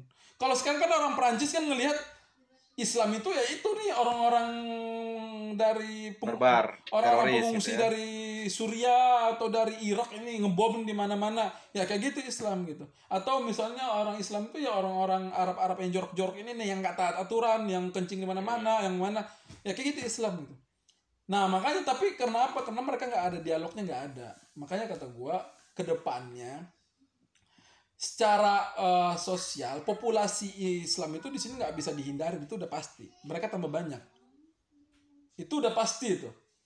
Cuma masalahnya orang Prancis satu sisi nggak bisa nerima kehadiran orang Islam yang tambah banyak orang Eropa misalnya dan orang Islam pun kurang bisa menyesuaikan diri dengan kondisi Prancis ini. Itu sebenarnya yang harus di yang harus dibangun jembatan itu kalau misalnya contohnya ya generasi kedua orang-orang dari utara Afrika di sini mereka udah lahir di Prancis, berbahasa Prancis, tapi logikanya masih logika lama, logika logika uh, logika permusuhan dibangun di sini.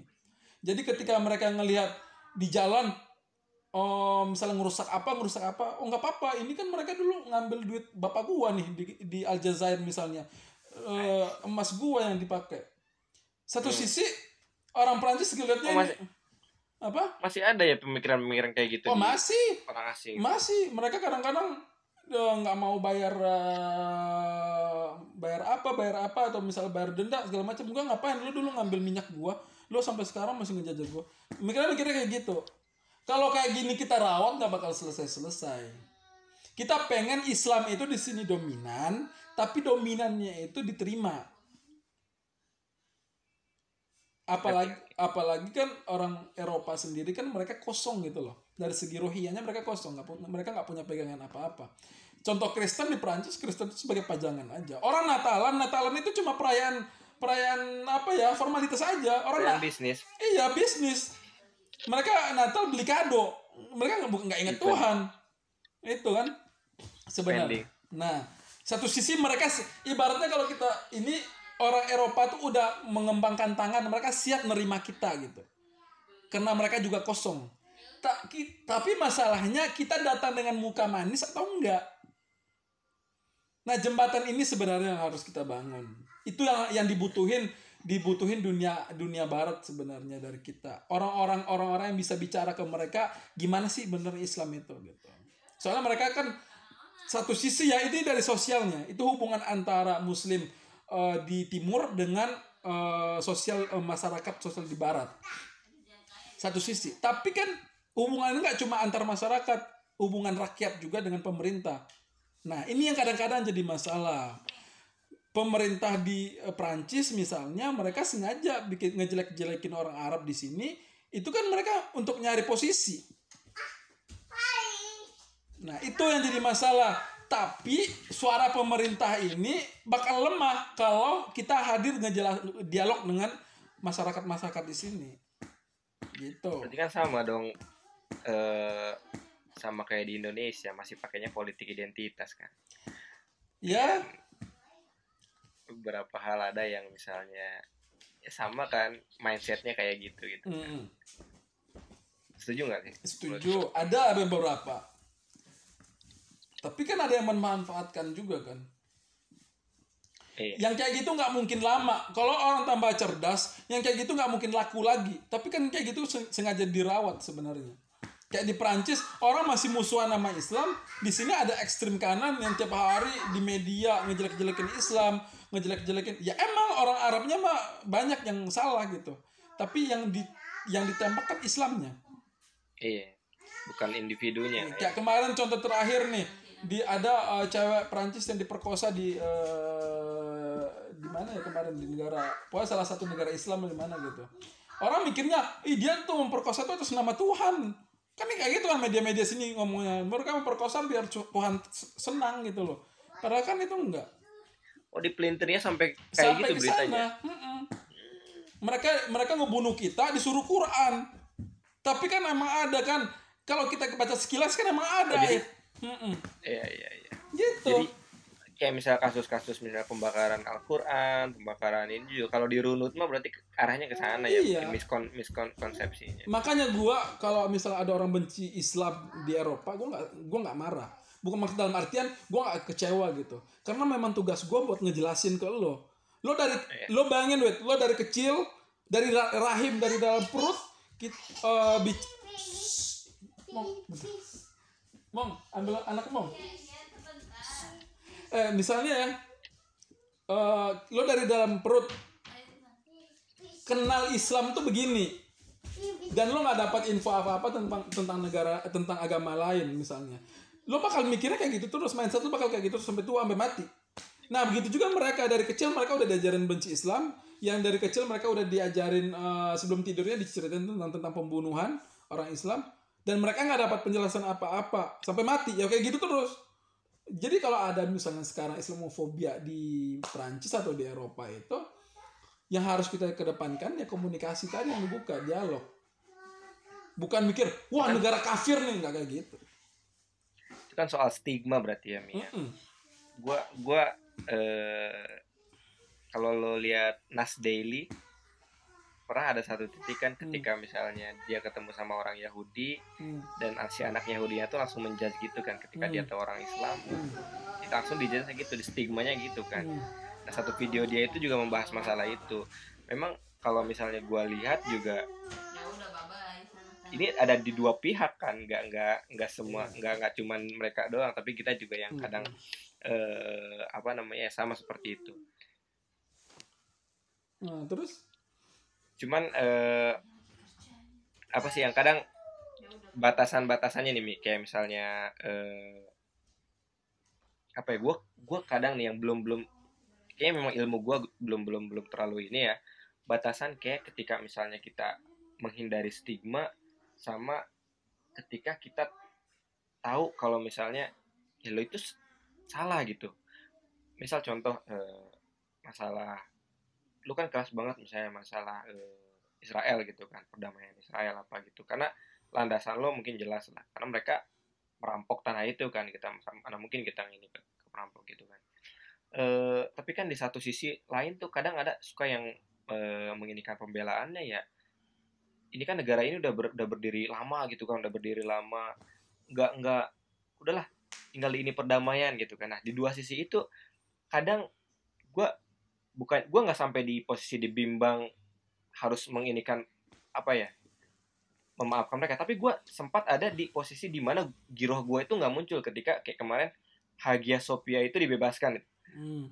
senang tapi giroh gue nggak nggak muncul yang wah gitu yang eu- euforia itu nggak gitu. Malah gue timbul kekhawatirannya tuh eh apa ya pertama kan yang yang sejarah singkat yang gue tahu yaitu tadi yang misalnya eh apa tadinya kan memang gereja Hmm. Islam museum dan Hmm. sekarang dijadiin masjid lagi gitu kan Hmm. meskipun eh, secara secara dasar pemikiran ya ya gue udah mulai ngerti misalnya dari beberapa yang gue ini sama penjelasan lo juga yang di YouTube gue dapat juga yang masalah itu bagaimana kita mendapatkan Hagia Sophia itu gitu kan Hmm. cuman kadang eh, gue ada di posisi yang eh, bukan enggak sampai menolak misalnya enggak sampai enggak loh enggak harus- harusnya kayak gini tapi dalam sisi lain ya itu dia giroh gue tuh nggak muncul mi ke euf- euforia itu padahal dulu tuh kan seneng banget kalau misalnya Al Aqsa dibebaskan kalau Hmm. misalnya Hagia Sophia dibebaskan gitu nah gue tuh kadang me- membalancing antara toleransi gue misalnya gue kan hidup sekarang dengan orang-orang Jepang Hmm. lah dengan orang-orang yang dengan antara itu tuh kadang eh, makin gimana ya agak Paham. ngerem sama ngegasnya tuh ini mi lo kalau menurut lo lo lo lo ada di posisi yang sama lah hidup di minoritas tapi lo misalnya tetap menjaga itunya lo sendiri kayak gimana mi ada nggak solusinya So, entah entah lo juga gitu. Kalau gua ngerasa gua makin lama gua di Prancis, gua makin cuek loh orangnya. Ini gua pribadi ya gua ngerasa gitu. Bahkan gua cerita ke Fajri, eh ngerasa gak sih lo gitu? Kita makin lama di sini itu kita orangnya agak cuek gitu loh.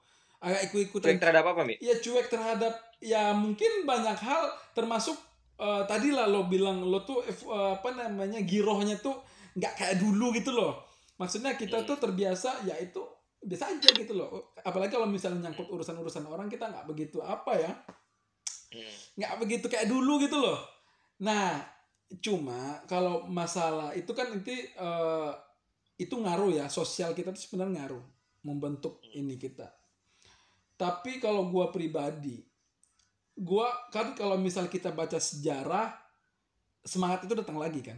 Makanya orang nyuruh Hmm. kita baca sejarah itu biar semangat itu tetap ada. Bukan masalah kita mau mengembalikan sejarah kayak misalnya sekarang kita baca sejarah khilafah. Kita nggak mau mengembalikan khilafah kayak dulu itu enggak tapi semangat itu tuh buat ngejaga oh kita itu punya masa lalu yang bagus loh kita itu punya eh, apa namanya satu nama besar dulu. Misalnya kita baca sejarah Turki Utsmani kita dulu pernah menguasai eh, dunia loh kayak gitu. Hmm. itu kan sejarah itu kan biar eh, biar kita eh, pede gitu loh ke depannya. Pede ngadepin hidup ini. Nah kalau misalnya gue pribadi kalau misalnya ngelihat isu-isu kayak misal Palestina atau misal kemarin Hagia Sophia panglima gue tuh satu hukum. Kita lihat dari dari hukum. Dia sangat secara hukum waktu itu kayak misalnya Israel Israel sekarang entahlah itu dia 2000 tahun lalu kayak berdirinya sangat dia awal berdirinya di situ secara hukum Oh. Adapun misalnya sekarang kita pengen berdamai atau bahkan Hamas sendiri dia kan pengen eh, apa namanya eh, kembali ke perbatasan eh, ke apa namanya ke batas negara seperti dulu lagi nggak kayak sekarang. Nah Hamas itu kan sifat-sifat kayak gitu kan cuma ibaratnya apa ya emang kita posisinya lagi kejepit gitu loh. Jadi berdamai buat sementara. Nah kalau misalnya secara hukum kan Israel nggak punya hak di situ sama sekali. Makanya kalau gua ngelihat apa pun gue balikin ke hukum dia sesuai nggak secara hukum kalau dia nggak sesuai berarti harus kita lawan kayak Hagia Sophia misalnya apa pun apa pun lah itu alasan sejarahnya entahlah itu misalnya sejarahnya dulu itu punya Kristen habis itu balikin lagi eh, dia jadi masjid habis itu jadi museum sekarang jadi masjid lagi. Sekarang pertanyaannya sangat dia secara hukum di Turki. Tapi itu kan pertanyaannya. Hmm. ya sah sih. mau dijadiin kandang kambing juga sama Turki sah. Soalnya itu milik dia kok sekarang milik pemerintah Turki gitu loh. Jadi makanya gua terus yang lain-lain tuh kan tinggal bumbunya aja sebenarnya gitu. Makanya gue kalau misalnya kayak sekarang ada yang bilang kita berdamai dengan Israel ya Israel tuh nggak asas secara hukum mau damai apa gitu. Kalau misalnya pun kita mau berdamai berarti kita kalah orang kalah. Orang yang udah ngambil hak kita terus kita berdamai arti- artinya kita udah kalah gitu loh. Gue nggak mau jadi orang kalah. Gitu. Hmm. gue kembaliin semua ke hukum. Makanya apa pun termasuk di Indo juga. Di Indo misalnya apa aja lah gitu loh. Apalagi sekarang kan tentang apa namanya pemimpin sekarang rezim di Indo. Hmm. apa pun lah itu kalau dia sesuai hukum gue dukung. Bukan karena gue benci Jokowi terus gue benci semuanya enggak. Tapi kalau misalnya bahkan kalau misal kita diaj- diajarin Islam kan begitu. Walaupun bagi dari ayah kita sendiri kalau misalnya itu salah harus kita benci kan kayak gitu. Gitulah kira-kira Oke dapat. Jadi lo larinya ke sana ya, ke hukum itulah iya. pijakan lo. kalau sejarah tentang masalah giroh tadi itu harus dirawat emang. Cuma lo hati-hati lo kelamaan di luar negeri giroh tadi berubah lo giroh Maksudnya dari giroh itu kan ibaratnya with salah satu ciri-ciri keimanan.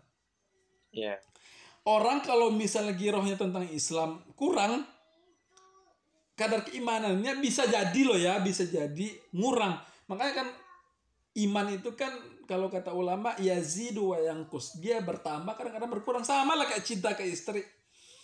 Kadang-kadang sama cinta menaik ya minta digendong juga dari lantai lantai satu lantai sepuluh oke aja. Tapi kan cinta kadang-kadang turun. Orang ke kesenggol dikit aja pengen marah aja bawaannya. Itu begitu kan. Iman kan pengen nikah lagi. Nah, pengen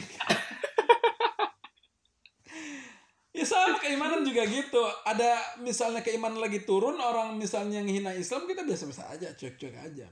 Tapi keimanan lagi naik. Nah maka kalau gue pribadi salah satu buat naikin giroh gue itu baca sejarah. Itu satu-satunya. Hmm. Itulah kira-kira. Menarik menarik. Oke gue lanjut ke masih kuat nggak nih Mi? Mas, Panjang banget obrolan. Gue mah santai aja, lagi free. Oke, tadi kita udah ngebahas ya dunia Islam lah di negeri minoritas gitu kan ya pandangan lo tentang misalnya Perancis gitu. Ternyata memang eh, intinya mah jembatan lah yang harus kita bangun lah untuk komunikasi lah. Apalagi ya gue setuju sih yang masalah itu karena sebenarnya pijakan ya gue ngelihat berkaca dari beberapa teman di orang Jepang tuh secara ruhiah memang pijakannya nggak ada mereka. Meskipun secara background agamanya eh, Shinto misalnya atau Buddha atau apa gitu kan tapi dalam secara prakteknya kan eh, tidak menghayati itu gitu kan Hmm. makanya ketika kita membangun jembatan dan bisa menyampaikan ini ya justru Islam itu yang menarik banget sebenarnya Iya. Nah, gitu kan apalagi di kondisi-kondisi misalnya permasalahan eh, negara-negara modern yang sekarang ini salah satu solusinya memang ada di Islam kalau menurut gue sih. Iya benar. Oke Mi, gue lanjut eh, ada beberapa pertanyaan lagi nih buat lo. Hmm. Jadi menurut seorang Hasmi Bahtiar nih, lo melihat Indonesia ke depan nih, sekarang dengan bonus demografinya, dengan coronanya misalnya sekarang, lo melihatnya kira-kira misal eh, 10 atau 15 tahun lagi lah, mungkin sebentar lagi rezim kan ganti nih, kita ya nggak tahu mungkin ada muncul nama-nama pemimpin yang baru. Lah. Kalau ngelihatnya bakal bakal bakal ada di posisi mana nih kira-kira? Kalau yang lo lihat sekarang kacamata lo sekarang gue ngelihat sat- yang pertama ya yang pertama gimana pun buruknya Indonesia gue akan jadi orang tetap optimis sama masa depan Indonesia. Seburuk-buruk apa pun hari ini gue bakal tetap optimis makanya gue tadi gue bilang ke lo itu laguna kita baca sejarah Prancis lah hari ini dia jadi negara eh, maju di dunia mereka setelah melewati ratus ta- ratusan tahun revolusi Prancis untuk satu republik aja mereka butuh waktu 85 tahun. Kita Indonesia baru berapa tahun? Itu baru satu republik loh Prancis ini sekarang udah republik kelima. Iya.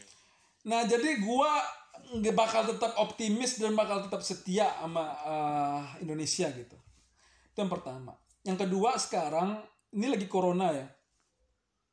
corona ini satu sisi kan musibah lah kita bilang bisa bisa musibah tapi satu sisi juga bisa bikin rakyat kita itu bangun sebenarnya kita itu udah salah termasuk salah dalam memilih pemimpin atau dalam berdemokrasi contohnya ya itulah corona ini satu sisi musibah bagi kita satu sisi dia mempertontonkan kegagalan eh, pemimpin kita yang bisa mungkin jadi pelajaran nih bagi rakyat jadi apa namanya ada satu titik gitu namanya corona yang mungkin ini mungkin ya mungkin bisa jadi alasan untuk orang Indonesia itu untuk berubah mindsetnya terutama dalam politik. Ternyata gua eh, nggak peduli atau gua cuek dengan urusan orang selama ini dengan urusan negara selama ini efeknya gua rasain hari ini. Gua di PHK, keluarga gua nggak dapat kerjaan segala macam. Karena dulu gua ya yang penting hidup gue oke ngapain sih gue capek-capek ikut politik capek-capek gue bawel ke pemerintah gitu loh. Hidup gue udah oke-oke aja. Nah hari ini kan corona ini nggak nggak dia ngetok pintu rumah orang nggak lihat ini pintu rumah orang kaya apa rumah orang miskin. Semuanya diketok sama corona jadi sekarang orang-orang yang dulu cuek sekarang termasuk juga jadi korban corona jadi mungkin gua rasa corona ini nih bisa salah satu awal lah untuk rakyat Indonesia itu berpikir gitu loh. Kita ini mau kayak gimana ke depan. Kita dengan dengan posisi kita sekarang dengan lo, memakai logika lama ternyata kita gagal. Nah, mungkin ke depannya kita butuh logika baru terutama dalam berdemokrasi atau dalam bernegara. Gue ngerasanya kayak gitu. Makanya sekarang bentar lagi ada pilkada kan. Kalau pilkada ke depan itu gue lihat Indonesia itu nggak cuma butuh pemimpin yang merakyat, nggak cuma butuh pemimpin.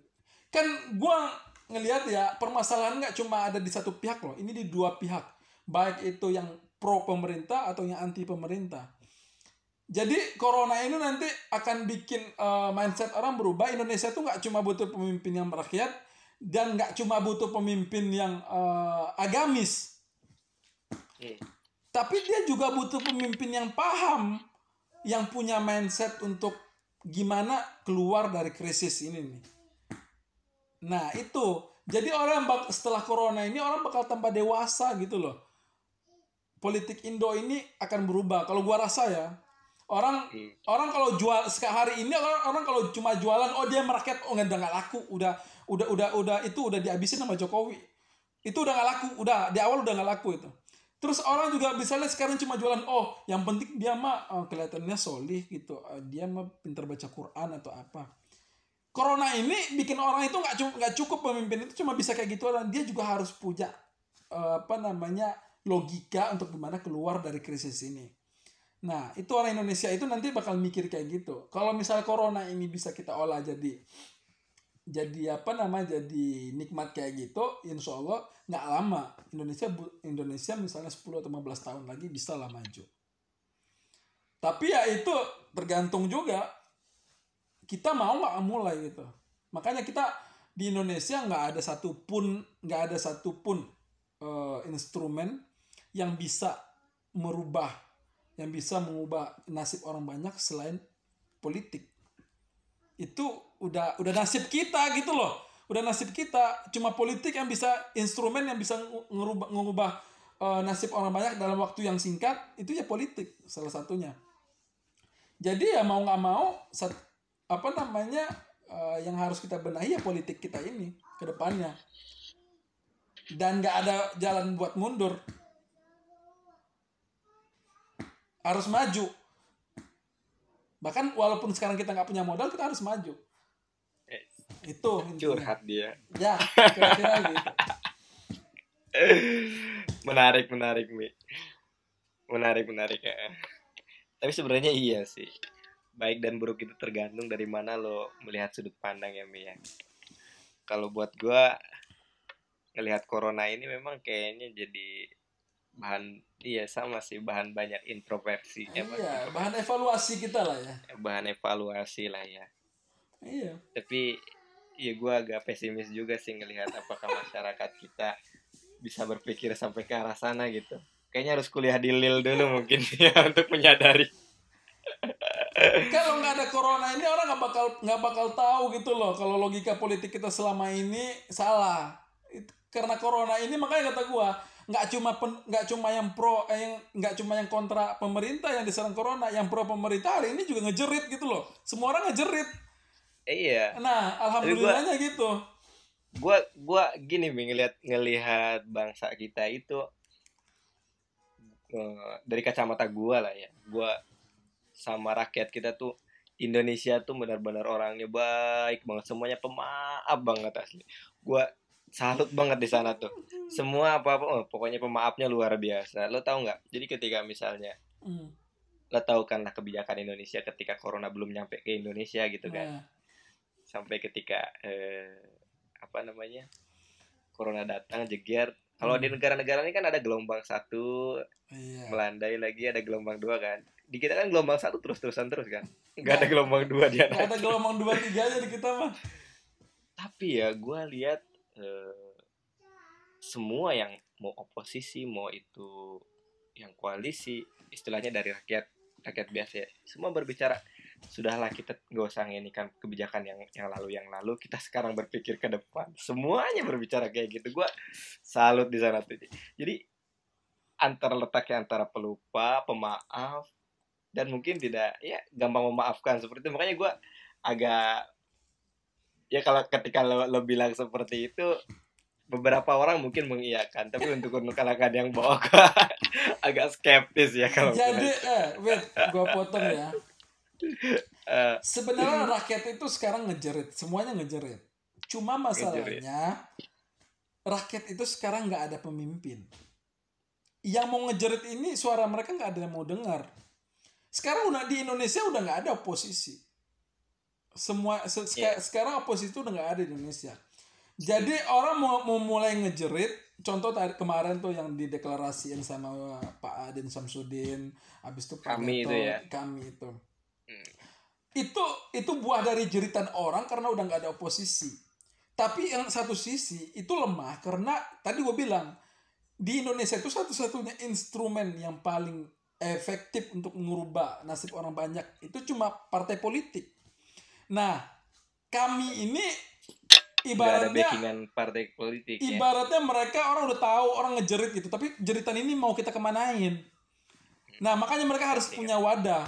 Makanya kalau misalnya ada wadah orang yang bisa nampung ya kayak gitu politik kita tuh bakal lebih menarik sebenarnya. Cuma gua nggak tahu mereka eh istilahnya bakal terus lanjut atau enggak.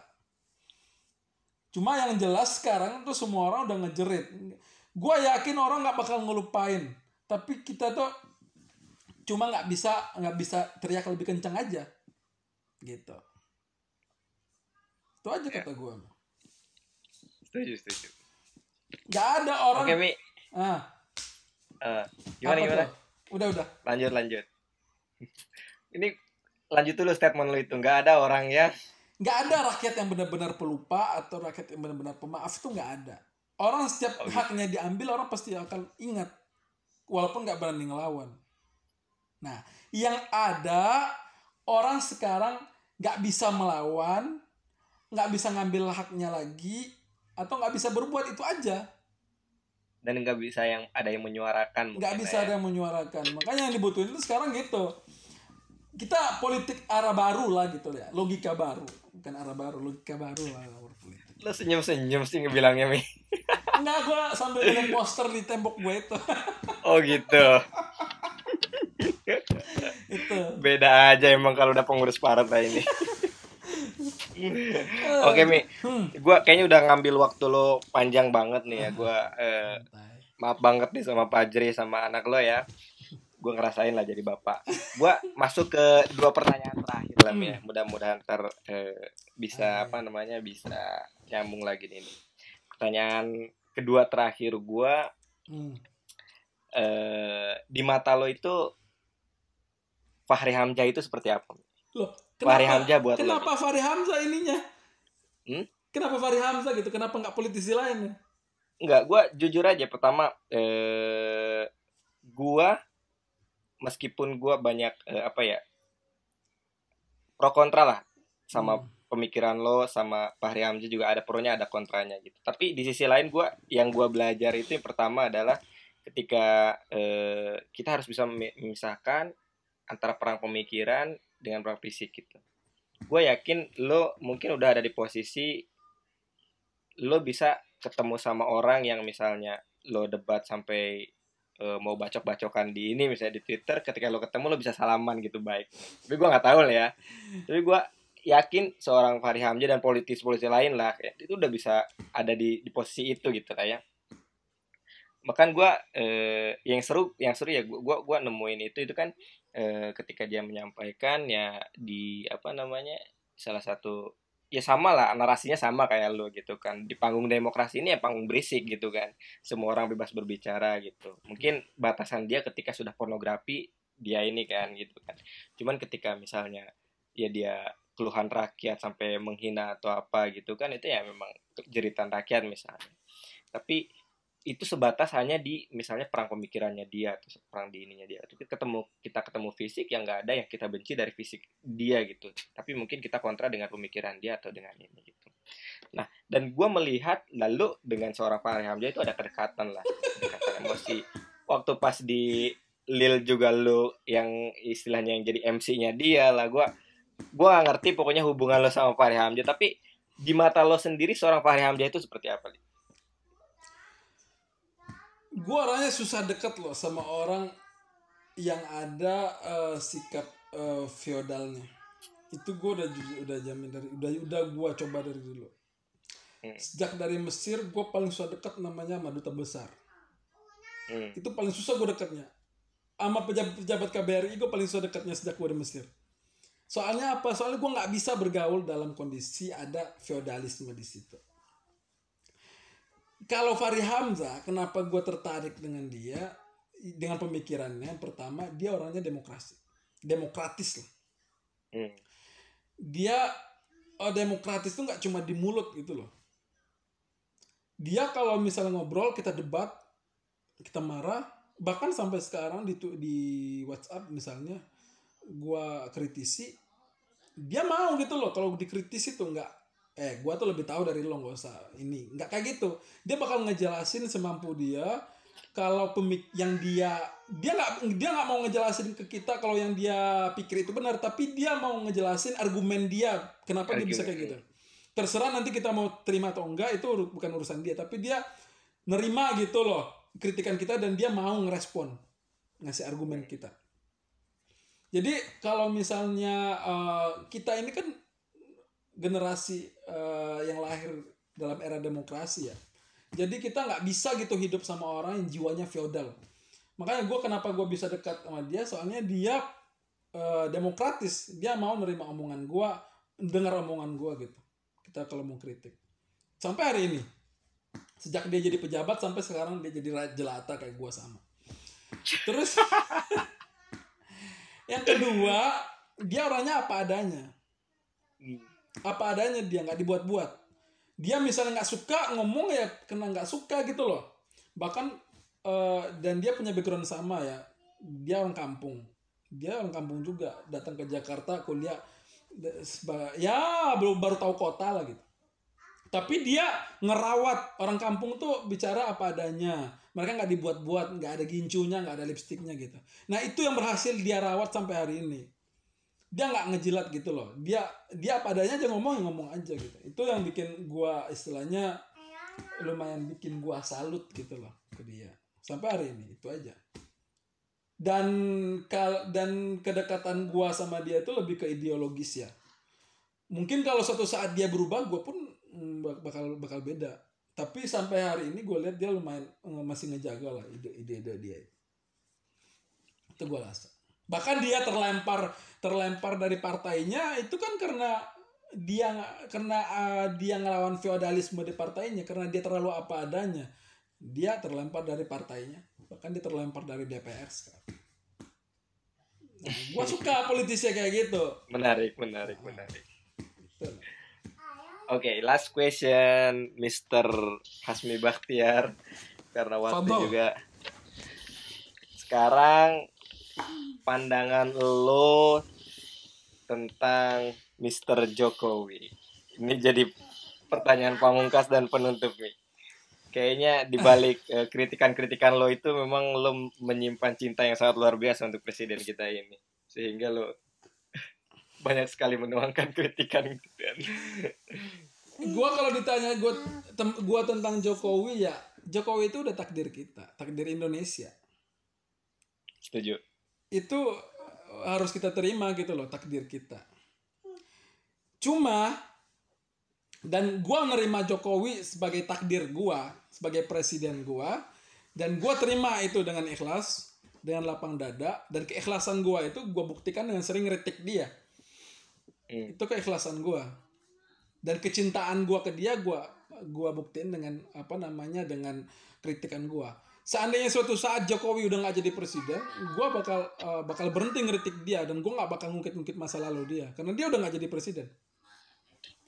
Tapi yang namanya takdir itu sesuai hadis kan takdir itu kan berapa namanya berlarian dengan doa ke langit dengan usaha.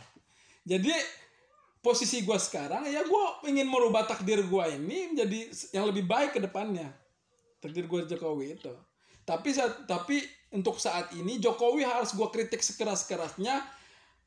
Apa pun pemikiran dia yang ada celah sedikit sedikit aja celahnya bahkan gua kritik. Apalagi apalagi celahnya gede ya. Nah sampai dia selesai jadi presiden. Dan gua ya itu nggak ada musuh nggak ada yang namanya apa namanya benci secara pribadi secara personal gua nggak punya nggak nggak nggak ada kayak begitu ke Pak Jokowi sampai sekarang tapi dia takdir yang harus gue terima dan gua karena cinta gua gue kritik dia se, se sepedas pedasnya lah dan itu dan bak itu siapa pun jadi presiden nanti bakal gua kritik terus Oke, memang Hasmi Bahtiar ini Bung mantap. Jawabannya hampir sama dengan Bung mantap. Oke, eh senang banget gua hari ini pokoknya bisa ngobrol panjang banget ini sama kawan lama gua sekaligus calon pemimpin masa depan Indonesia yang sekarang lagi merantau di Lille ya. Kawan-kawan semua yang kebetulan dengerin podcastnya Ikro Japan eh, biasanya kita ngobrolin soal finansial soal investasi. Sekarang kita berinvestasi ke politik sedikit lah karena ada politisi muda nih yang mencoba peruntungannya. Entah lima tahun atau 10 tahun ke depan ya. Mudah-mudahan. Gue sih bisa cuman bisa mendoakan mi. Jalan lo eh, tetap diberkahi lah gitu. Lo Amin, nggak ya tergelincir gitu. Ya karena gue yakin lah lo punya mental yang lebih kuat gitu daripada gue gitu ketika ada dunia di depan mata mungkin masih bisa ditolak sama lo. Oke Mi, eh, sukses terus nih buat eh, karir lo lah, bukan karir ya kuliah lo di sana sama kerjaan lo di Lille juga sehat-sehat buat keluarga. Thank you banget Amin. udah udah nyediain waktu buat Sama-sama. eh, gue ngobrol sini. Gue bahagia banget lah hari ini. Aduh, merayakan enam tahun enam tahun apa? Enam tahun lo di tahun Lille ya? keberadaan gue di Lille oh iya ya Pas itu banget ya hari lo ini, doang lo yang 10 tahu ini iya dong. Aduh. Dari dari dulu kan tahu tentang lo kok lo bisa Gimana pas sih? gitu ya? Eh iyalah. Kita kan punya koneksi yang enggak bisa dijelaskan mi. Firasat mau minta begitu? Allah Oke. Mi. oke insya Allah thank you banget mi buat waktunya mi. Eh, mudah-mudahan kita bisa ketemu di lain kesempatan. Amin. sehat-sehat terus. Ya Rob. Nah, Oke, gue tutup nih Ya, buat sama-sama, eh, Wi. Hasan Salam buat keluarga ya. Buat teman-teman semua ya. Oke, assalamualaikum warahmatullahi wabarakatuh.